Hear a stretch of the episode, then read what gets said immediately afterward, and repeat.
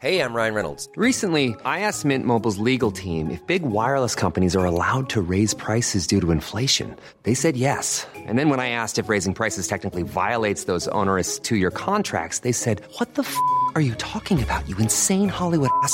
F- So to recap, we're cutting the price of Mint Unlimited from $30 a month to just $15 a month. Give it a try at mintmobile.com slash switch. $45 upfront for three months plus taxes and fees. Promo rate for new customers for limited time. Unlimited more than 40 gigabytes per month. Slows. Full terms at mintmobile.com.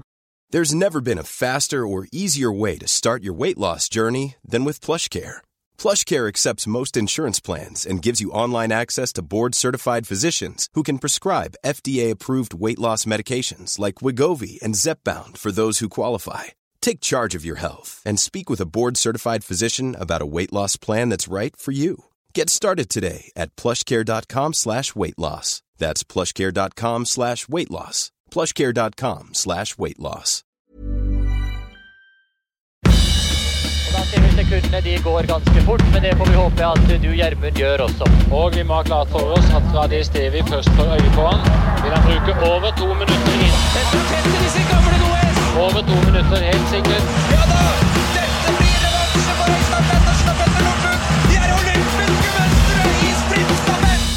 Er helt perfekt. Det skal være litt vanskelig. Jeg merker at det her blir en god episode fordi det skal være litt sånn eh, teknisk eh, surr. Da det er oppskriftene på en god episode.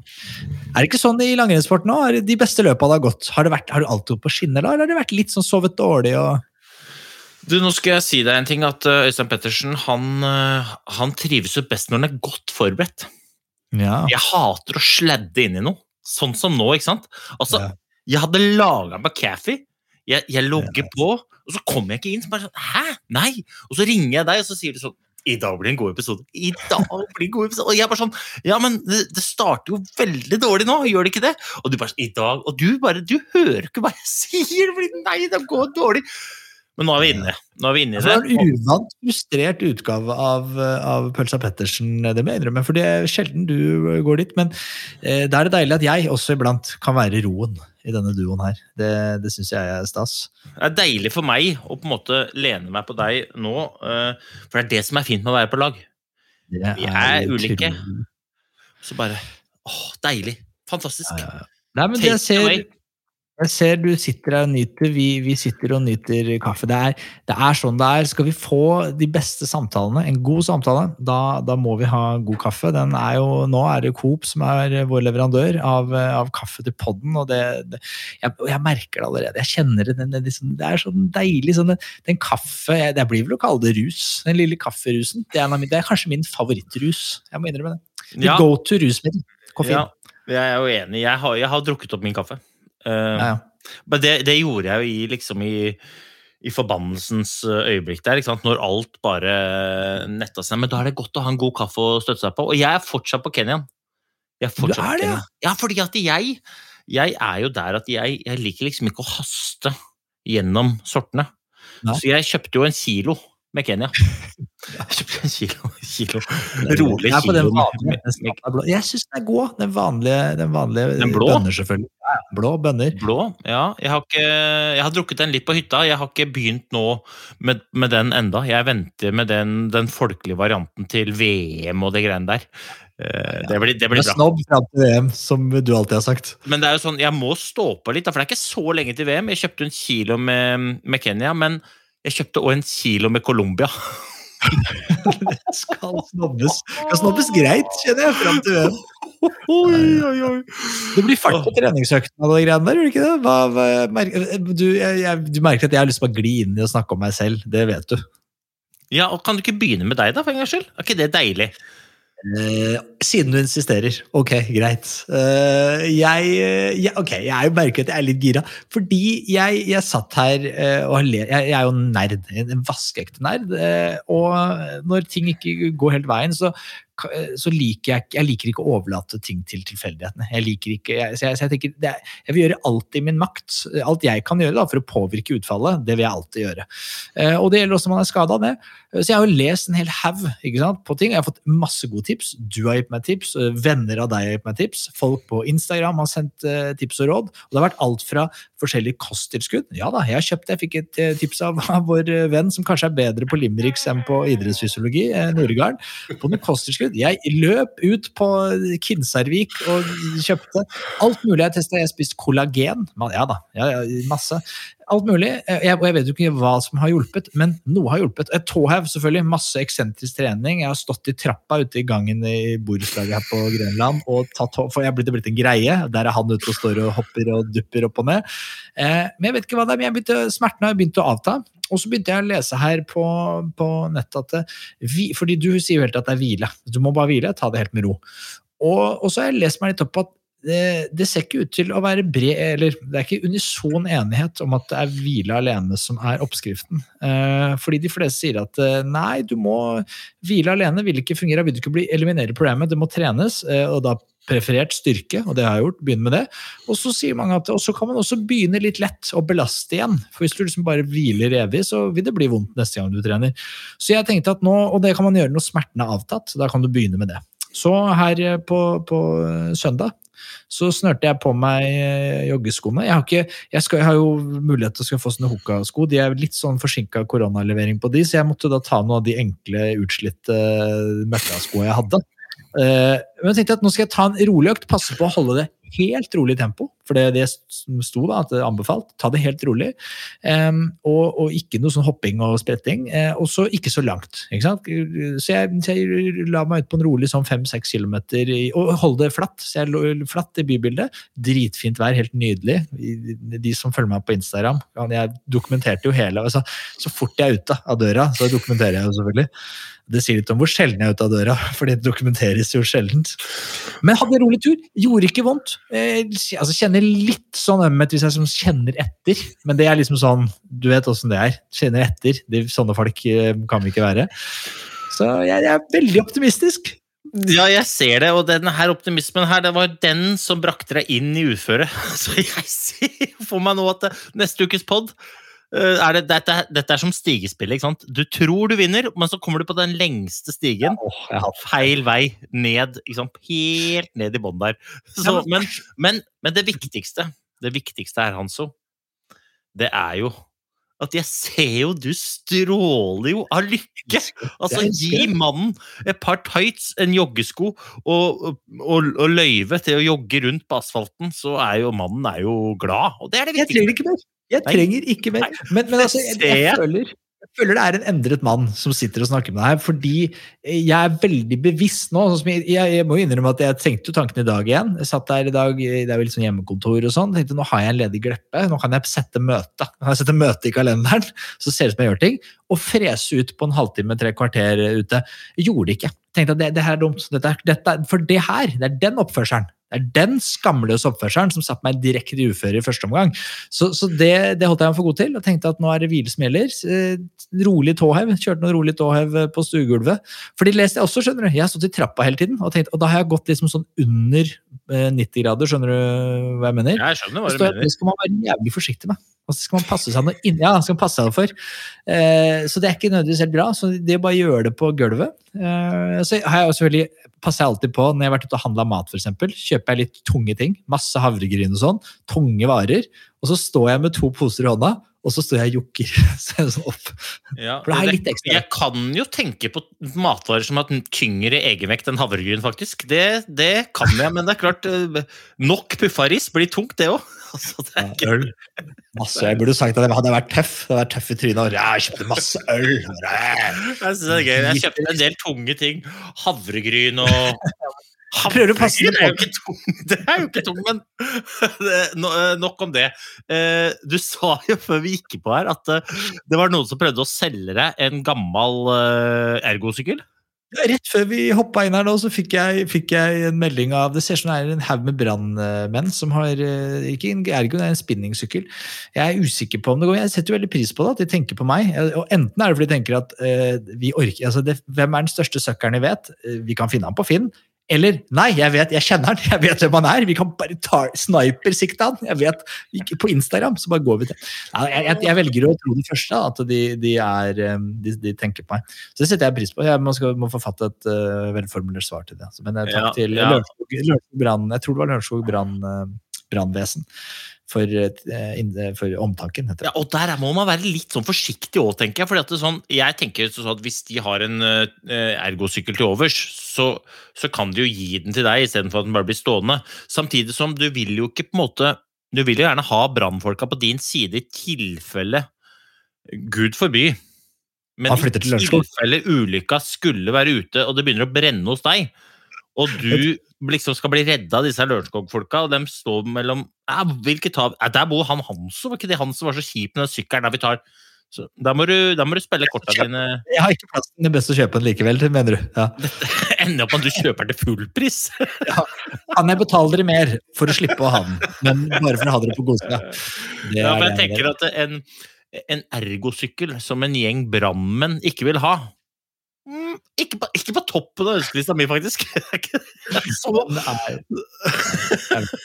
Jeg vet ikke, jeg vet ikke. Men um, vi, vi, vi har, I dag har vi så mange gjester, så vi skal egentlig haste videre. Vi er vel allerede bakpå. Men jeg tenker bare veldig kort røre litt ved hva som har skjedd uh, i skiverden. Uh, det har vært uh, Marcialonga. Et av de kuleste langløpene i min bok uh, i løpet av året.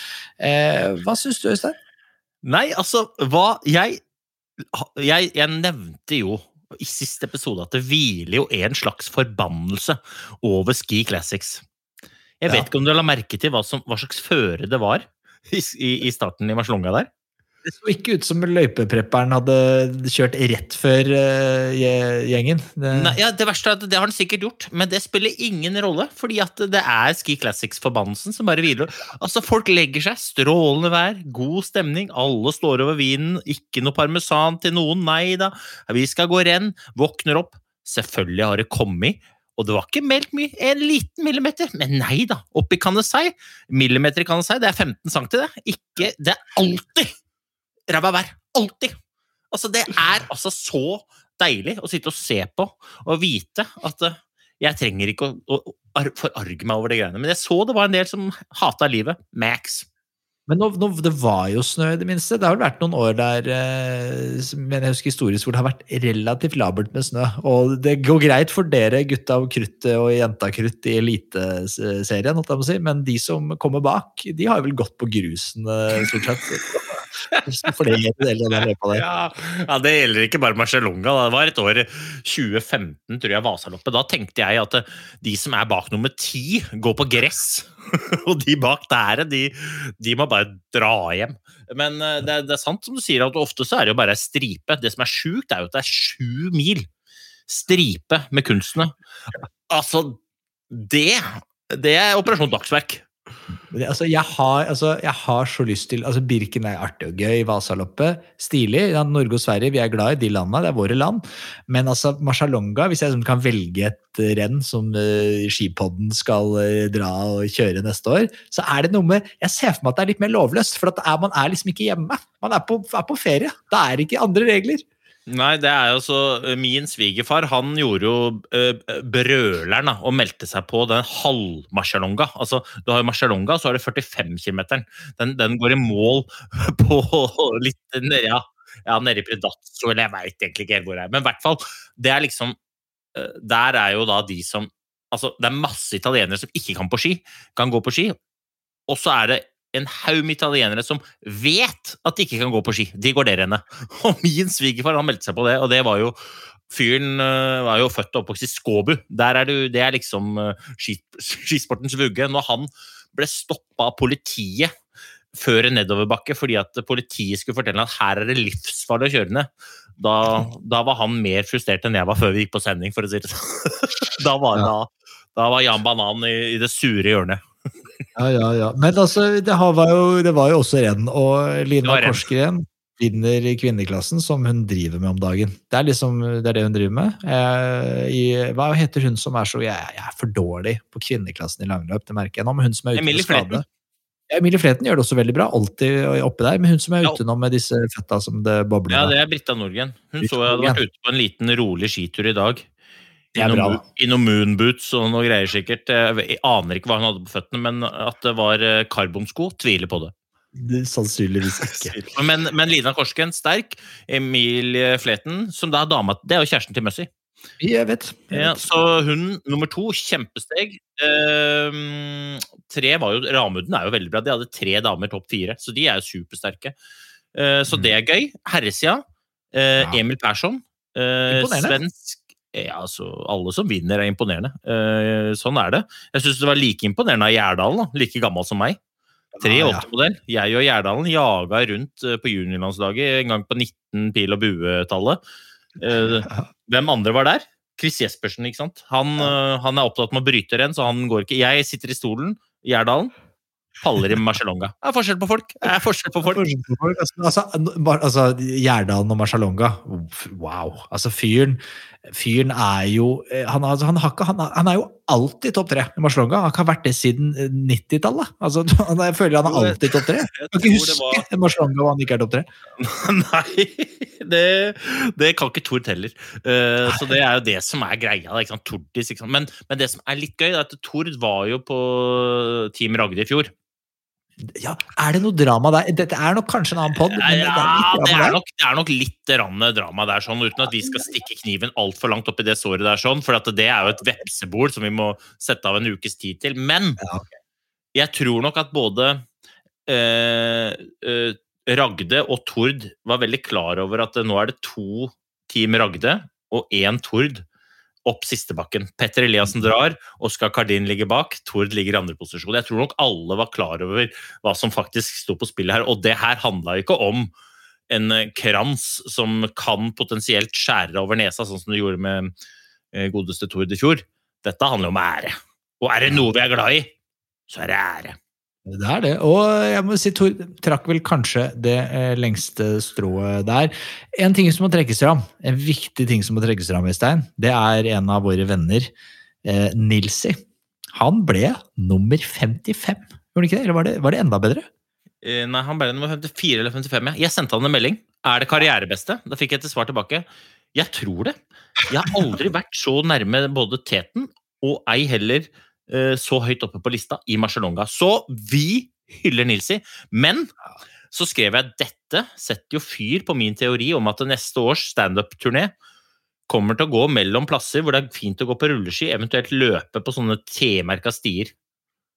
Altså, men det er jo ekstremt imponerende. Altså, sånn, de fleste andre topp eh, 100 i det løpet der har gått mye ski og på et veldig høyt nivå tidligere i livet sitt, og kanskje høyere enn det Nils har gjort. Selv om han er jo ikke, han sa jo det, innrømte han har jo trent en del, han også. Men altså, det får Ja, ja. Uten tvil. Jeg tror nok eh, Og ikke for å tråkke på Nils i det hele tatt, men uh, plasseringa bærer nok preg av, av at det, er, det raser jo en pandemi. Kinesere, grilla kjøtt, noe greier der. ikke sant? Så det er ikke så mange som deltar, som vanligvis deltar. Og så tror jeg at tiden bak selvfølgelig har blir påvirka av at de måtte bremse Eller de brøyta en del snø, de foran der. Uh, nå tok jo Runar Skau Mathisen, ikke sant, som er på en måte Han ligner jo litt på deg, egentlig. Han er jo skiløpernes uh, Hanso. Ja, ja, ja. han? Han gikk jo foran og tok på seg en del jobb der, da. Uh, Raust nok. Men han ble nummer åtte til slutt. Nummer er åtte. Jeg spør hvilke ski, hvem, hvilke ski han gikk på, om det var mine eller hans.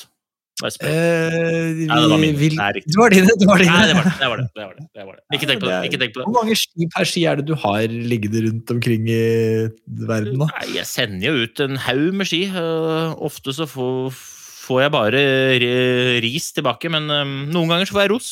Det er hyggelig. Det er. Det er hyggelig. Eh, Men uh, det er jo, vi har så mye gjester. Skal vi hoppe rett til Falun og gjest Altså, Det her er en kremepisode. Skal vi snakke om Falun med første gjest, eller? Jeg tenker det. Ja, Jeg tenker det. Vi eh, bare ringer opp Andrew Young. Velkommen til podkasten Andrew Young. Hallo. Takk for at jeg ble invitert med. Kjempestas at du hadde tid til å være med. Du er jo, er jo alltid du er en evig aktuell, evig aktuell person, det er ikke det, men du er kanskje litt ekstra aktuell, da, for det var jo verdenscup i Falun. Og det var, mye, det var mye drama. Vi har ikke snakka om hvordan det gikk. Skal vi, skal vi ta det litt kronologisk eh, den Falun-helgen, eller? Er dere med? Og så kommer vi jo til det ordentlige dramaet etter hvert her. Det blir sånn god dramaturgi på det hele. Um, Eh, det starta jo på fredagen. På fredagen. fredagen, Eh, da- ikke onsdag når jeg kjørte jeg- jeg- onsdag når jeg kjørte faren, så vi bare hoppe over det rett til fredag. Ja, ok, vi godt ta det helt derfra? okay, så dere reiser da til Ja, det var veldig kjedelig. da. Det var ikke noe spennende som skjedde da, så vi kan hoppe rett til fredag hvis du vil. Eh, Hva gjør, på, hva gjør dere på torsdagen, når, vi først, når du åpna ballet? Hva Nei, torsdag faktisk, det var litt spennende. Det var noe nytt òg. Eh, torsdag morgenen, så første jeg gjorde når jeg våkna på torsdag, var at jeg måtte dra rett på koronatest. Um, Ja. uh, så det var rett uh, koronatest. Og så Jeg har ikke vært borti det før, men i, i eh, Falun så ble vi gitt en pinne og fortalt uh, stikke deg i nese, åtte sekunder på hvert side, og så kommer tilbake med det etterpå, og det er testen. Um, så vi måtte gjøre det sjøl. Um, altså Det har jeg aldri vært borti før. eh, men jeg, og jeg skrev på Twitter at eh, jeg syntes det var litt rart at jeg måtte ta sånn selvkoronatest. At jeg hadde vært borti det før, og det var liksom en greie i Sverige. Eh, jeg må si at jeg fikk en del hat. Um, og det er visstnok litt omdiskutert i legemiljøet, men uh, myndighetene i Sverige mener at det er trygt nok at man tar sånn selvtest på korona. Ja. At uh, det er helt innefor.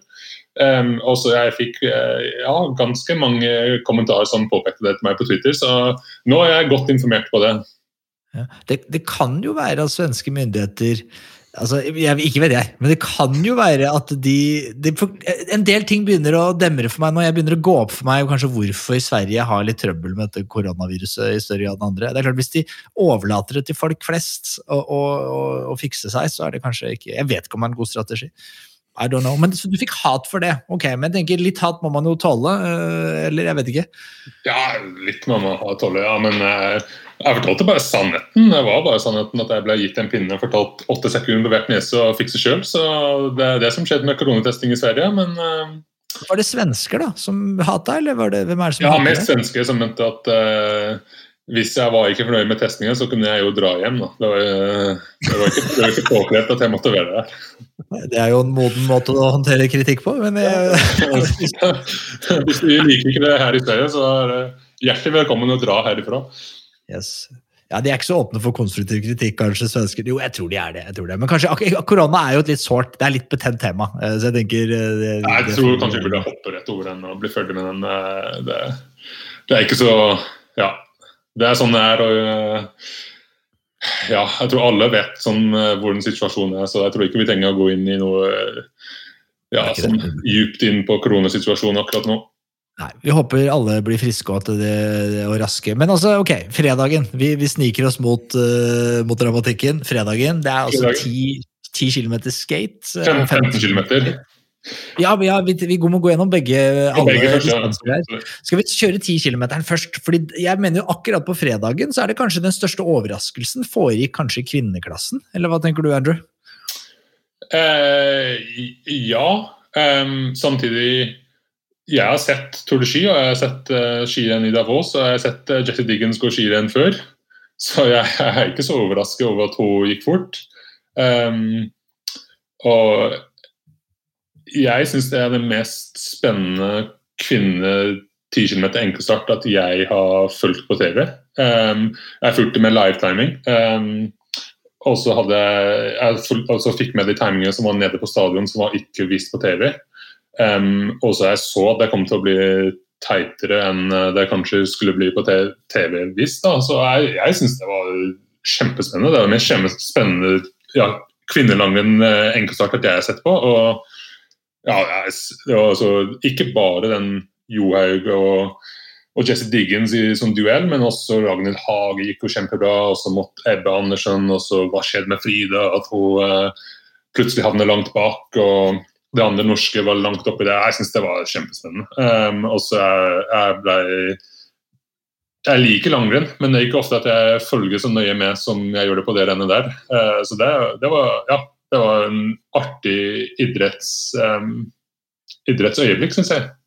Ja. Hvor, var det Jesse Diggins eh, tok deg? For det, eh, vi hadde jo besøk av, Jesse her for noen uker siden, og, og hun, hun vedkjenner seg jo ikke helt det når, når, alle sier at hun er så god utfor. Altså hun er så god, eh, god nedover. Men var det der hun tok det, eller var hun god jevnt over? Er det noen som har sett noe på tall på det? Jeg har ikke sett noe tall på det. I forhold til Johaug, hun tok mye tid eh, nedover. Um, men det er kanskje bare at Johaug er dårlig, nedover ikke at Jesse er nødvendigvis bra. Um, men det det så ut som til meg, var at Jesse disponerte løpet veldig bra. og skjørte ikke seg stiv i, i måttbakkene. Så hun hadde fortsatt noe krefter å bruke i, i flatt og nedover. Og kanskje det ja, Ebbe Andersen og, og Johaug brukte litt for mye krefter i selve måttbakkene, og så hadde ikke det å kjøre på med, med flattene og nedover. Um, var litt som jeg tolket det, men jeg var ikke der live. Jeg så bare TV-bildene og, og livetiming. Um, men uh, ja, jeg syns det var kjempespennende.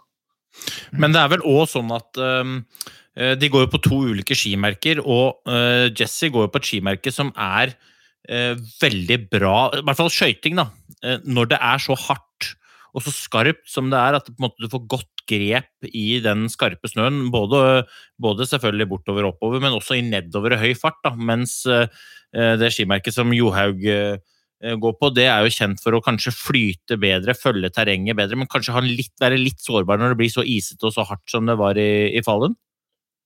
Eh, det kan stemme. Det var veldig isete og hardt. Og når jeg valgte mine skøyteski, så um, Jeg fikk faktisk ikke teste. Smøretime valgte bare ut et par og sa at jeg måtte gå på det fordi jeg hadde bedre grep. Det var nøyaktig um, ordet de brukte, var at det var bedre grep på denne ene paret her. Um, så det er klart at um, et skipar med godt grep var noe at uh, smøretimene hadde i bakhodet når de valgte ut ski til oss uh, på fredagen. Så det var isete og, og skarpt føre, ja.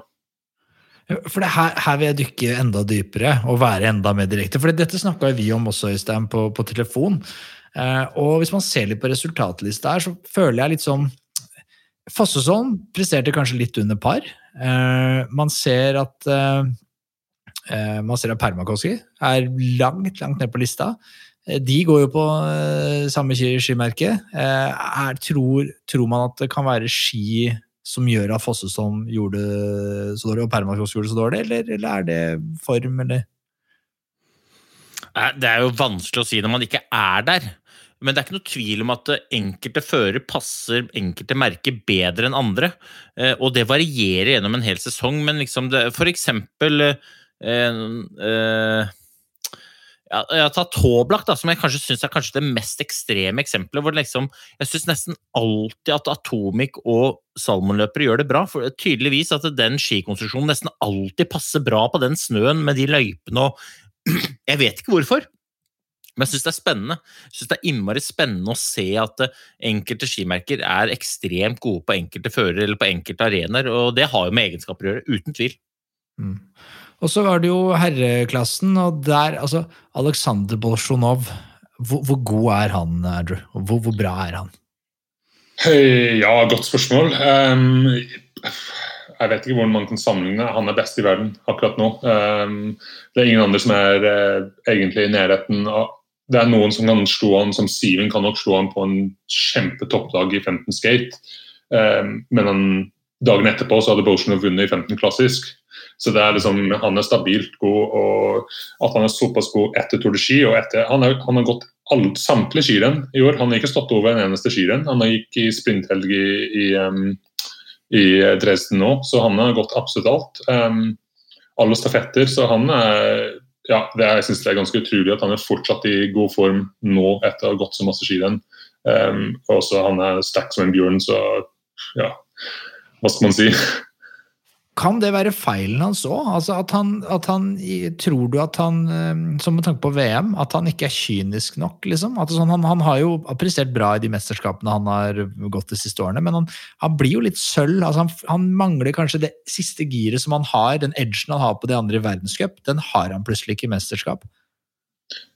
Ja, det er litt som Sundby uh, sleit, sleit med tidlig karrieren sin. og um, Ja, det har kanskje litt eh, sånn eh, samme preg over det, men eh, jeg tror i år han er såpass sterk at han kom til å få med seg en gullmedalje fra VM. Han har jo seks muligheter for å få med seg en VM-gull, og han er aktuell til å ta alle seks. så jeg, tror kanskje vi må komme tilbake til det etter Oberstdorf. Og få dommene etter og se hvordan det gikk. Men det sjuke er jo når du altså, For et trøkk, altså. altså at det er altså Når jeg ser det, eh, og jeg bare vet hvor gode dere andre er, Youngie, og så bare kommer Bolsjunov og går, han går altså så fort. Han går altså så eksplosivt og så kraftfullt. og Jeg tenker bare sånn Hadde jeg bare hatt litt snev av det der, så hadde jeg vært happy. Jeg hadde, bare, jeg hadde vært så litt! Da hadde jeg vært happy, liksom. Altså, det er ja, Det er det verste. Nå skal ikke vi snakke om lørdag nå, men altså Det rykket han setter inn, liksom, det er jo egentlig ikke noe bakke der. Og så bare, i løpet av 40 sekunder, så bare smadrer han feltet i fillebiter. Altså det, og da har han vært nede i bakken, vært bakerst i feltet, sammen med Mussy, jassa forbi alle sammen, slura i runde i tredje-fjerde posisjon, så bare adios amigos, gutter, jeg går. Ja, vi, vi kommer til lørdag, men siste, siste på, på fredagen her er Vi er jo også en svensk podkast, vet du, Andrew. Eh, og hvor er Ja, jeg Sverige? slapp til Sverige, og så nå går vi jo inn i Ja, altså, ja. Hvor, hvor er Halvarsson ble nummer 30? Altså, eh, Det lover jo ikke bra for de svenske herrene til VM. Altså, Kan de komme seg i form? Og hvor, altså, Halvarsson, hva, hva, hva skjer med han? Ja, jeg vet ikke hva som skjer med han. Ehm, men eh, ja Har han egentlig noensinne vært så veldig god, bortsett fra en helg i Lillehammer? Han var rå den ene helgen i Lillehammer. Det skal han få. Ehm, men bortsett fra det, så jeg husker ikke hva han har resultatmessig. Um, så jeg kan ikke skjønne at han kommer til å gå fort i VM, men jeg håper for Sverige sin del at han gjør det. Men um, jeg tror mer, har mer tro på Oskar Svensson. Han har vært veldig sterk i år. Ehm, han er en veldig god skiløper, Asker Svendsen. Og ehm, ja, det er noe av det andre guttet. Han er unge William Porra- Porrarama Porrarama Ingen vet navnet hans, men kjæresten til Frida Karlsson. Ja, kjæresten til Frida Karlsson. Han, er, han kan gå, han kan gå Herved eh, døpt kjæresten til Frida Karlsson. Han kommer Ja, alltid til å vinne. han, Han vinner eh, OL-gull. Han kommer ikke til å ta medalje i VM, det gjør han ikke, men han kan fort bli rundt ti. Um, Og så er han ung, da. Han er jo ung. ja, han er ung og lovende. Så han kommer til å bli innmari bra. Jeg er jo helt enig med deg, Jongi, at øh, det er jo på en måte det er jo, det er jo trist å se på de svenske gutta nå. For de har Én ting er at de ikke er gode, men de har jo ikke trua på at de kan bli gode heller. Men der tror jeg han William Porum er helt annerledes. Jeg tror han kommer og sier 'jeg skal sveipe dere av banen', liksom. Eh, Jeg, er, jeg lurer på om han uttalte at jeg er svensk eh, herrelangrenns redning. Og jeg tror det er attituden du må ha da for å komme inn. altså Det nytter ikke å komme der med kalsonger og bo på stugan sin og spise blåbærsoppe. altså Kom igjen! Få, Men, få eh, noe greier. Det var også han i fjor, Johan Hegstrøm, eller Hagstrøm, han var veldig sterk i fjor. da. Eh, Han har hatt en litt svak sesong i år, men i fjor, han eh, før jul og i Tour de Ski i fjor, forrige sesong, han var veldig sterk. Um, og hvis han finner tilbake til den formen i VM, så han er en outsider for å ta en uh, medalje uh, på, på sprint og en outsider på en lagsprintlag med Oskar Svendsen. Det kunne kanskje være litt en outsider på en medalje, de to der. Så se opp for det. Ikke bli overrasket hvis svenskene kommer til, kommer til VM med noen enkelte prestasjon som er oppi der. Ja. Jeg elsker det du sa med at, med at Halfarsson har toppa formen sin til en helg i Lillehammer i 2018. For jeg husker den helgen! jeg husker den helgen, jeg også. Han var helt rå. Og siden har vi ikke sett den. Men vi må til lørdagen. Vi må til lørdagen. Lørdagen. 10 km, 5 km fellesstart klassisk. Og, og her er det mye. Her er det mye. Og, og, for- Fortell litt om dagen. Hvor, hvor tidlig var det dere var urolige for føre? og sånn? Hva var stemningen i feltet? Eh, vi var urolig eh, Eller jeg var urolig kvelden før. Um, jeg hadde tatt opp mobilen min. Um, jeg kan lese opp en melding at jeg sendte til, til faren min Ja. eh, kvelden før. Fordi han er tidligere Han var treneren på um, på, eh, på det britiske landslaget fram til OL i 2018. Ja. Eh, og så ble jeg en pensjonist etter det. Eh, så jeg fortsatt diskuterer litt trening med han iblant, og diskuterer litt eh, ja, løype og skirenn og hvor den er der. og ja, han ofte, ja, litt sånn snakk for skirenn og sånn. Så siste melding jeg sendte han på fredagskveld, var Will be very high speed in the downhill. I'm expecting lots of crashes. Ja. Altså han svarte OK, I like mass starts. The downhills will be entertaining. I hope there are lots of people with poles around the course. Og det var siste melding jeg sendte til faren min på fredag kveld. Um, Ja. Så det var allerede Vi hadde tenkt på det, og um, vi har en samarbeid med det norske laget, uh, så vi var godt informert om hvor det sto stavpost, og hvor vi skulle komme oss hvis vi måtte bytte stav. og vi var fullt forberedt på at det var veldig stor sjanse for at man skulle gå i bakken eller man skulle knekke en stav. ja. Diskuterer man Sånn som Det har vært noen eksempler opp gjennom historien hvor utøverne går sammen og boikotter. Altså, de, de krever endring osv. Eh, men det var jo ikke noe sånt denne gangen. Eh, ble det diskutert, eller? Nei, det ble ikke noe sånt denne gangen. Jeg tror um, ingen av oss så for oss at det skulle bli såpass ille før etterpå. Em, det var skarpt føre. Det de andre problemet var at det var såpass hardt og skarpt føre at der det hadde satt spor, det var faktisk ikke satt i full, full eh, som dypen. da. Det var bare noen få centimeter ned i isen. Istedenfor vanlige skispor settes jo jeg vet ikke, mellom 5 og 10 centimeter et sted. Men nå i utforskylling var sporet så vidt to centimeter. da. Så når du kom rundt en sving i høy fart, så datt du ut av sporet. Ehm, så det var veldig veldig skarpt føre, veldig isete, så det ble enda høyere fart. Og så når det er da satt spor i utforkjøring og du går i høy fart og du, Ja, det ble veldig vanskelig. Um, ja. For å forstå hvor isete det er. Så, så jeg er jo jeg vet ikke, Du er vel også litt kjent med, med Nordmarka, altså går jo oppe i Oslo-marka her. Eh, går, hvis det er litt isete ved Sognsvann, da syns jeg det er litt ubehagelig nedover til Sognsvann. Er det, er det sånn isete, eller er det, liksom, eller er det verre? Eller er det Um, jeg, har ikke gått på, jeg ikke gått i Nordmarken, faktisk. Um, aldri. Eller jeg har gått eh, på, på Holmenkollen, men aldri noe annet sted i, i Oslo, på ski. Ehm, så jeg kan ikke sammenligne med det, men uh, jeg tenker Hvordan å sammenligne med Det var sånn kald, kald, kald kunstner som er gjerne ganske gammel, som har ligget ut lenge.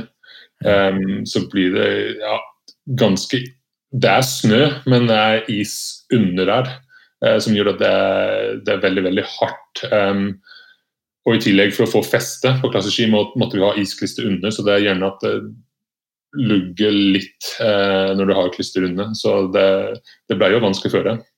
Det blir ikke sånn føre som du tenker på, Hanso, for at du tenker på derre At du får det derre svulne, og så er det is som er sånn rein blåis. Den får du ikke. Du får, det er som Andrew sier, det blir, det blir helt sånn helt hardt. Det er egentlig Du kunne nesten ha gått på skøyter, for det blir helt hardt. Og så lugger liksom klisteret lite grann, samtidig som du er interessert i å ikke skrense. Og så har du mange rundt deg. Du så jo første, første fallet. Det var jo det som skjedde, at de s- istedenfor å skrense rundt svingen, så skøyter de med yttersida rundt svingen for å spare klisteret. Mm. Og så er det så tett at en eller annen pokal kjører over skia di når du prøver å skøyte deg rundt svingen, og så går du ned, da. Eh, Ja, fordi For første fallet så går jo Bolsjunov, vel Mussi som går først. masse, masse på Roskun og Bolsjunov som går ned, ja. Og Holund er ute på en runddans her. Holund er jo litt mer som meg, utenfor litt sånn forsiktig. Så han tar den heller den ekstra sneien, og så pakker han av, pakker, tar han av seg skia og går, eh, går ned. Det gikk en runde til, altså. Han gikk jo en runde til og prøvde, og så ja, så Jeg støtter det. altså ikke, det. ikke på null måte å si at han er feig. Han er smart. Han er smart. Men der ser du hvor god, der ser du hvor god Bolsjunov er, da. Fordi at uh, Bolsjunov går ned sammen med Mussy. Og eh, selv om Bolsjunov kommer i gang litt før Mussy, så er de jo bak i sumpa. Mm. Men det tar 2,5 km, så leder Bolsjunov det rennet. Mens Mussi han kom liksom aldri tilbake. Aldri. Han liksom kjempa hele tiden, altså. Eh, men en ting Jeg tror ikke folk fikk, fikk med seg at Bolsjunov datt. Bolsjunov datt. Fordi em, jeg tror hvis de norske hadde fått med seg det, at det hadde vært full kjør i feltet med en gang. Altså, det er null tro at ah, vi venter på han. Det hadde jo kjørt med en gang hvis de skjønte han hadde datt. Så jeg kom opp den sprintbakken etterpå, og så jeg var ved sida av Eirik Valnes, og jeg sa at han, du er klar over det, det var Bol- Bolsjunov som datt. Og han sa «Øh, øh, ja, ja. Så jeg tror ikke de norske hadde fått med seg 100% at det var Bolsjunov som hadde gått ned. Um, hvis de hadde det, så er jeg ganske sikker på at de hadde skjult for fullt. Um, jeg tror det ble litt sånn litt sånn Oi, det var klasj det. Oi, oi. Og litt sånn rolig. Ja, for, det, for min eh, opplevelse var at etter den krasjen der, i neste bakken gikk det veldig, veldig, veldig rolig. Det var ingen som ville sette opp farten. Ja. Ja, nei, Du har ikke så tiltro til fair play-evnene til det norske laget, skjønner jeg. Men, jeg. men jeg skjønner det litt. og det er, jo litt det er, men det er jo en del av gamet. da, Holde seg på beina, liksom. Og ikke for å For vi kommer jo til det dramatiske. Hvor, er det på veien nå, Hansen? Jeg vet ikke. Jeg er helt ute allerede. Eh, Det er godt vi kan eh, redigere. Nei, vi, ikke- Nei, redigerer. vi redigerer ingenting. Vi, Men- Ja. Nei. Ja, nei, altså, så, så, så blir det det mest dramatiske fallet. Det er det vi husker best fra hele den, hele den lørdagen. Det er, eh, og jeg vet ikke, Kan ikke du ta oss gjennom det? Hva er det som skjer? Det er i denne svingen eh, før Er det før sprintbakken der, er det ikke det? Ja, det er i sprintløype, så det er første utforkjøring i sprintløype.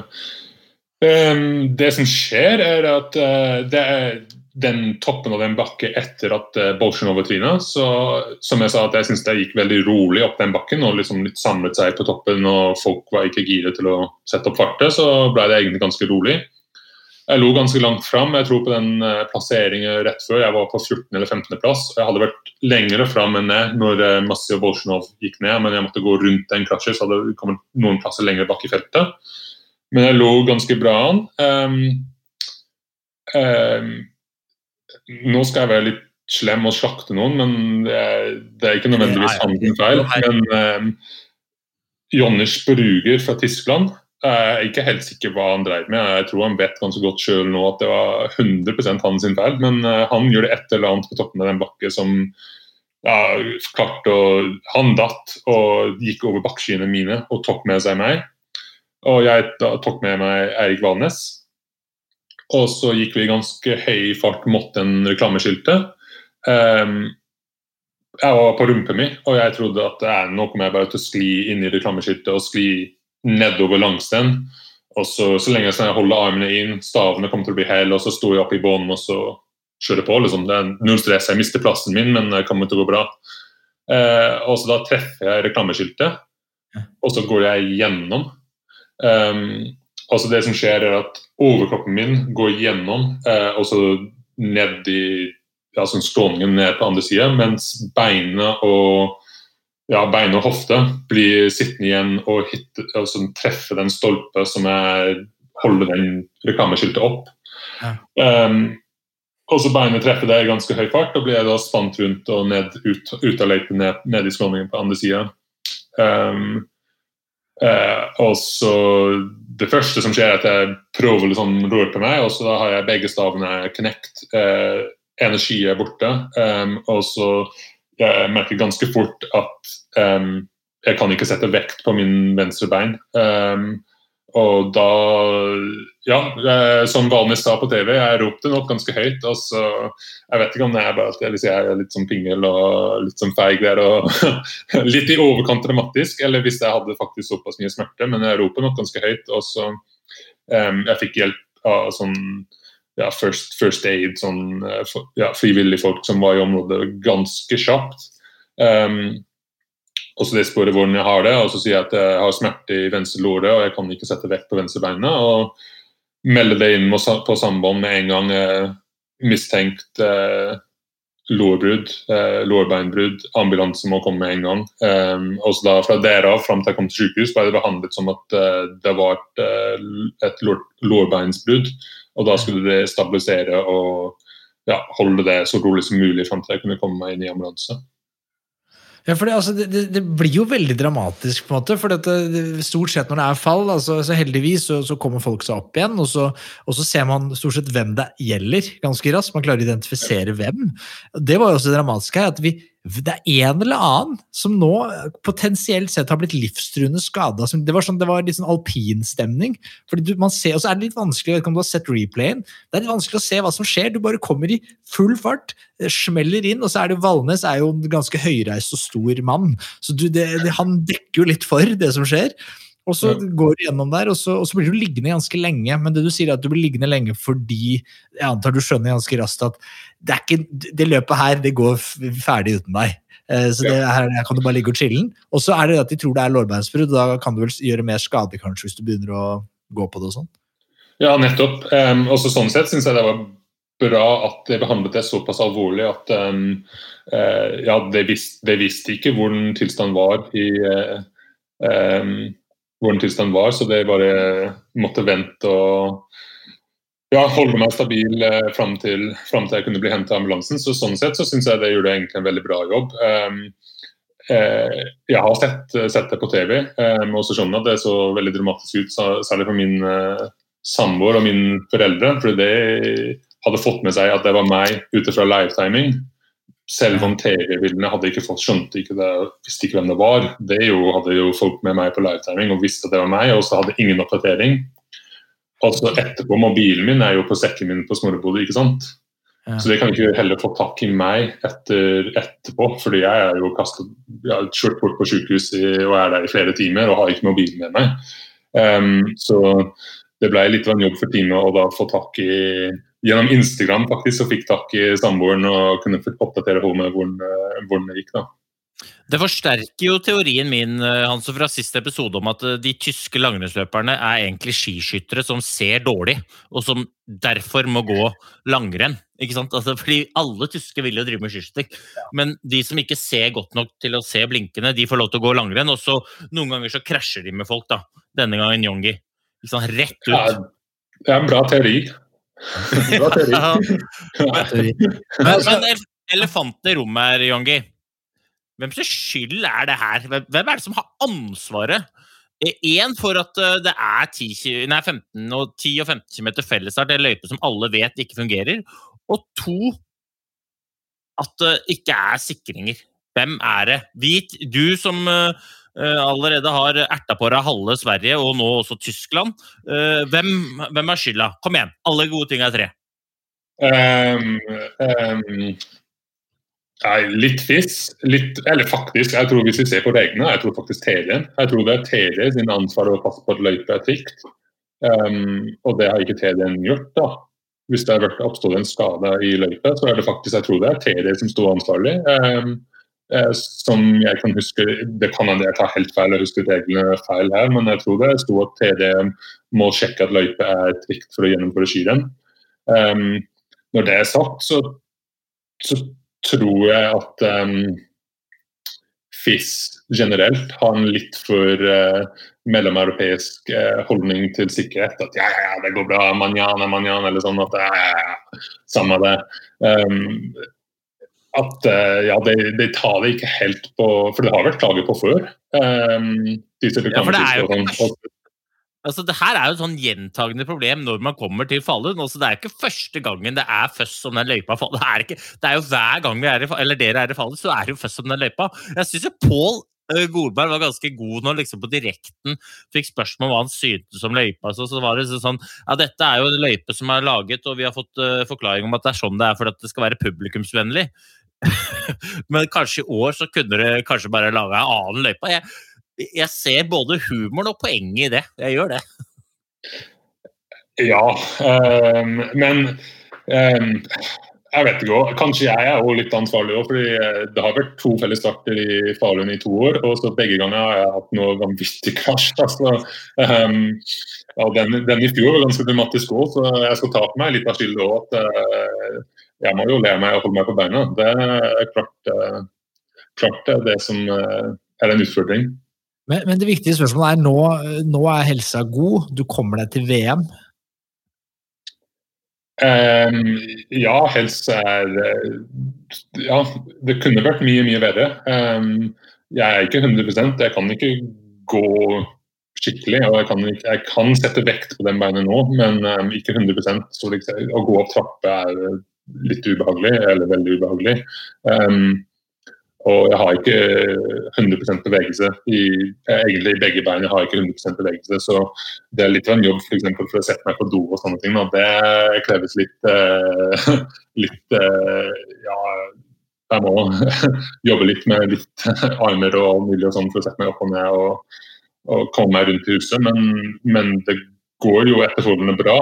Um, så eh, legen og fysio vil at jeg holder meg i bevegelighet så mye som mulig, så lenge som det ikke gjør smerte. Så det, jeg driver og liksom små går rundt og jeg har noe oversted å holde meg i, i bevegelighet. og utfordre den bevegeligheten at jeg har um, hele tida, sånn at uh, vi kan um, ja, ikke stivne helt opp. Og får håpe at jeg kan komme meg i trening ganske kjapt. Um, så jeg har et prosjekt i morgen, og det er å snekre opp en, uh, en stakemaskin i garasjen, så at jeg kan begynne å, å uh, bruke skiergen og begynne å, å, trene litt på den måten. Hvilken distanse er det liksom du tenker at her er det du kan gjøre mest ugagn? Er, er det sprinten? Eh, kanskje lagsprint, men da er jeg litt avhengig av at en eh, lagkamerat av meg går fort òg. sant, sant nok. Men eh, jeg har trua, da, og jeg må innrømme det jeg har sagt eh, før denne podden og sier igjen, jeg, jeg heier jo litt ekstra på dere britene. Fordi dere, dere er jo litt skandinavske av dere. Eh, samtidig som det er så mye gøyere når dere vinner, enn at de norske laget de, de, de, Det er mye mer gøy når dere vinner. Det er litt mer underdogs, og vi trenger en god underdogsseier iblant. Vi, altså, I dressen, var det ikke der? Du, der! Den hadde du! Den hadde du! Ja, men Neste gang. jeg, jeg tror jo faktisk at uh, Storbritannia slår Sverige på lagsprinten i år. Oh, det er meldt. Det er meldt. Smak på den, da, svensker! Smak på den! ja. Spørs om Kalle Halvorsen kommer seg i form eller ikke. Vi får se.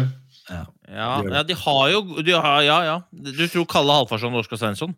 Nei, jeg tror um, Oskar Svensson og um, Hagstrøm eller Hegstrøm, hvordan du sier det. Johan Hegstrøm. Ingen vet. Ikke kjæresten til Frida Karlsson, som jeg kaller han. Nei, nei jeg tror han mente til 15 skate, han. Ja det, det, ja, det, er riktig. Ok, vi, vi, kan holde på evigheter, eh, Andrew, eller Youngie, som jeg har skjønt at jeg kan kanskje få lov å kalle deg nå. Eh, vi, ja. vi, håper du har lyst til å være med igjen siden. God bedring. Okay. Eh, lykke til med driting og alt annet du prøver på eh, med den vonde hofta, eller vonde låret. Så. ja, god bedring, og eh, hvis ikke du fikk den ergometersykkelen som ble tinga på på Twitter, så har eh, Hanso et lead på en billig ergosykkel. Eh, den er da på en brannstasjon på Lørenskog, men eh, eh, da veit du i hvert fall det. Det er litt langt fra Trondheim, men takk for tilbud. ok, ha det. Ja. Takk for meg, gutta. Takk for meg. Der er du med. Er det lyd? Yes! Altså, det er så deilig. Altså, du er jo flott, ikke sant? Men det er jo ekstra hyggelig for folk som hører på, at vi, vi hører det. Ja, det er en fordel, det.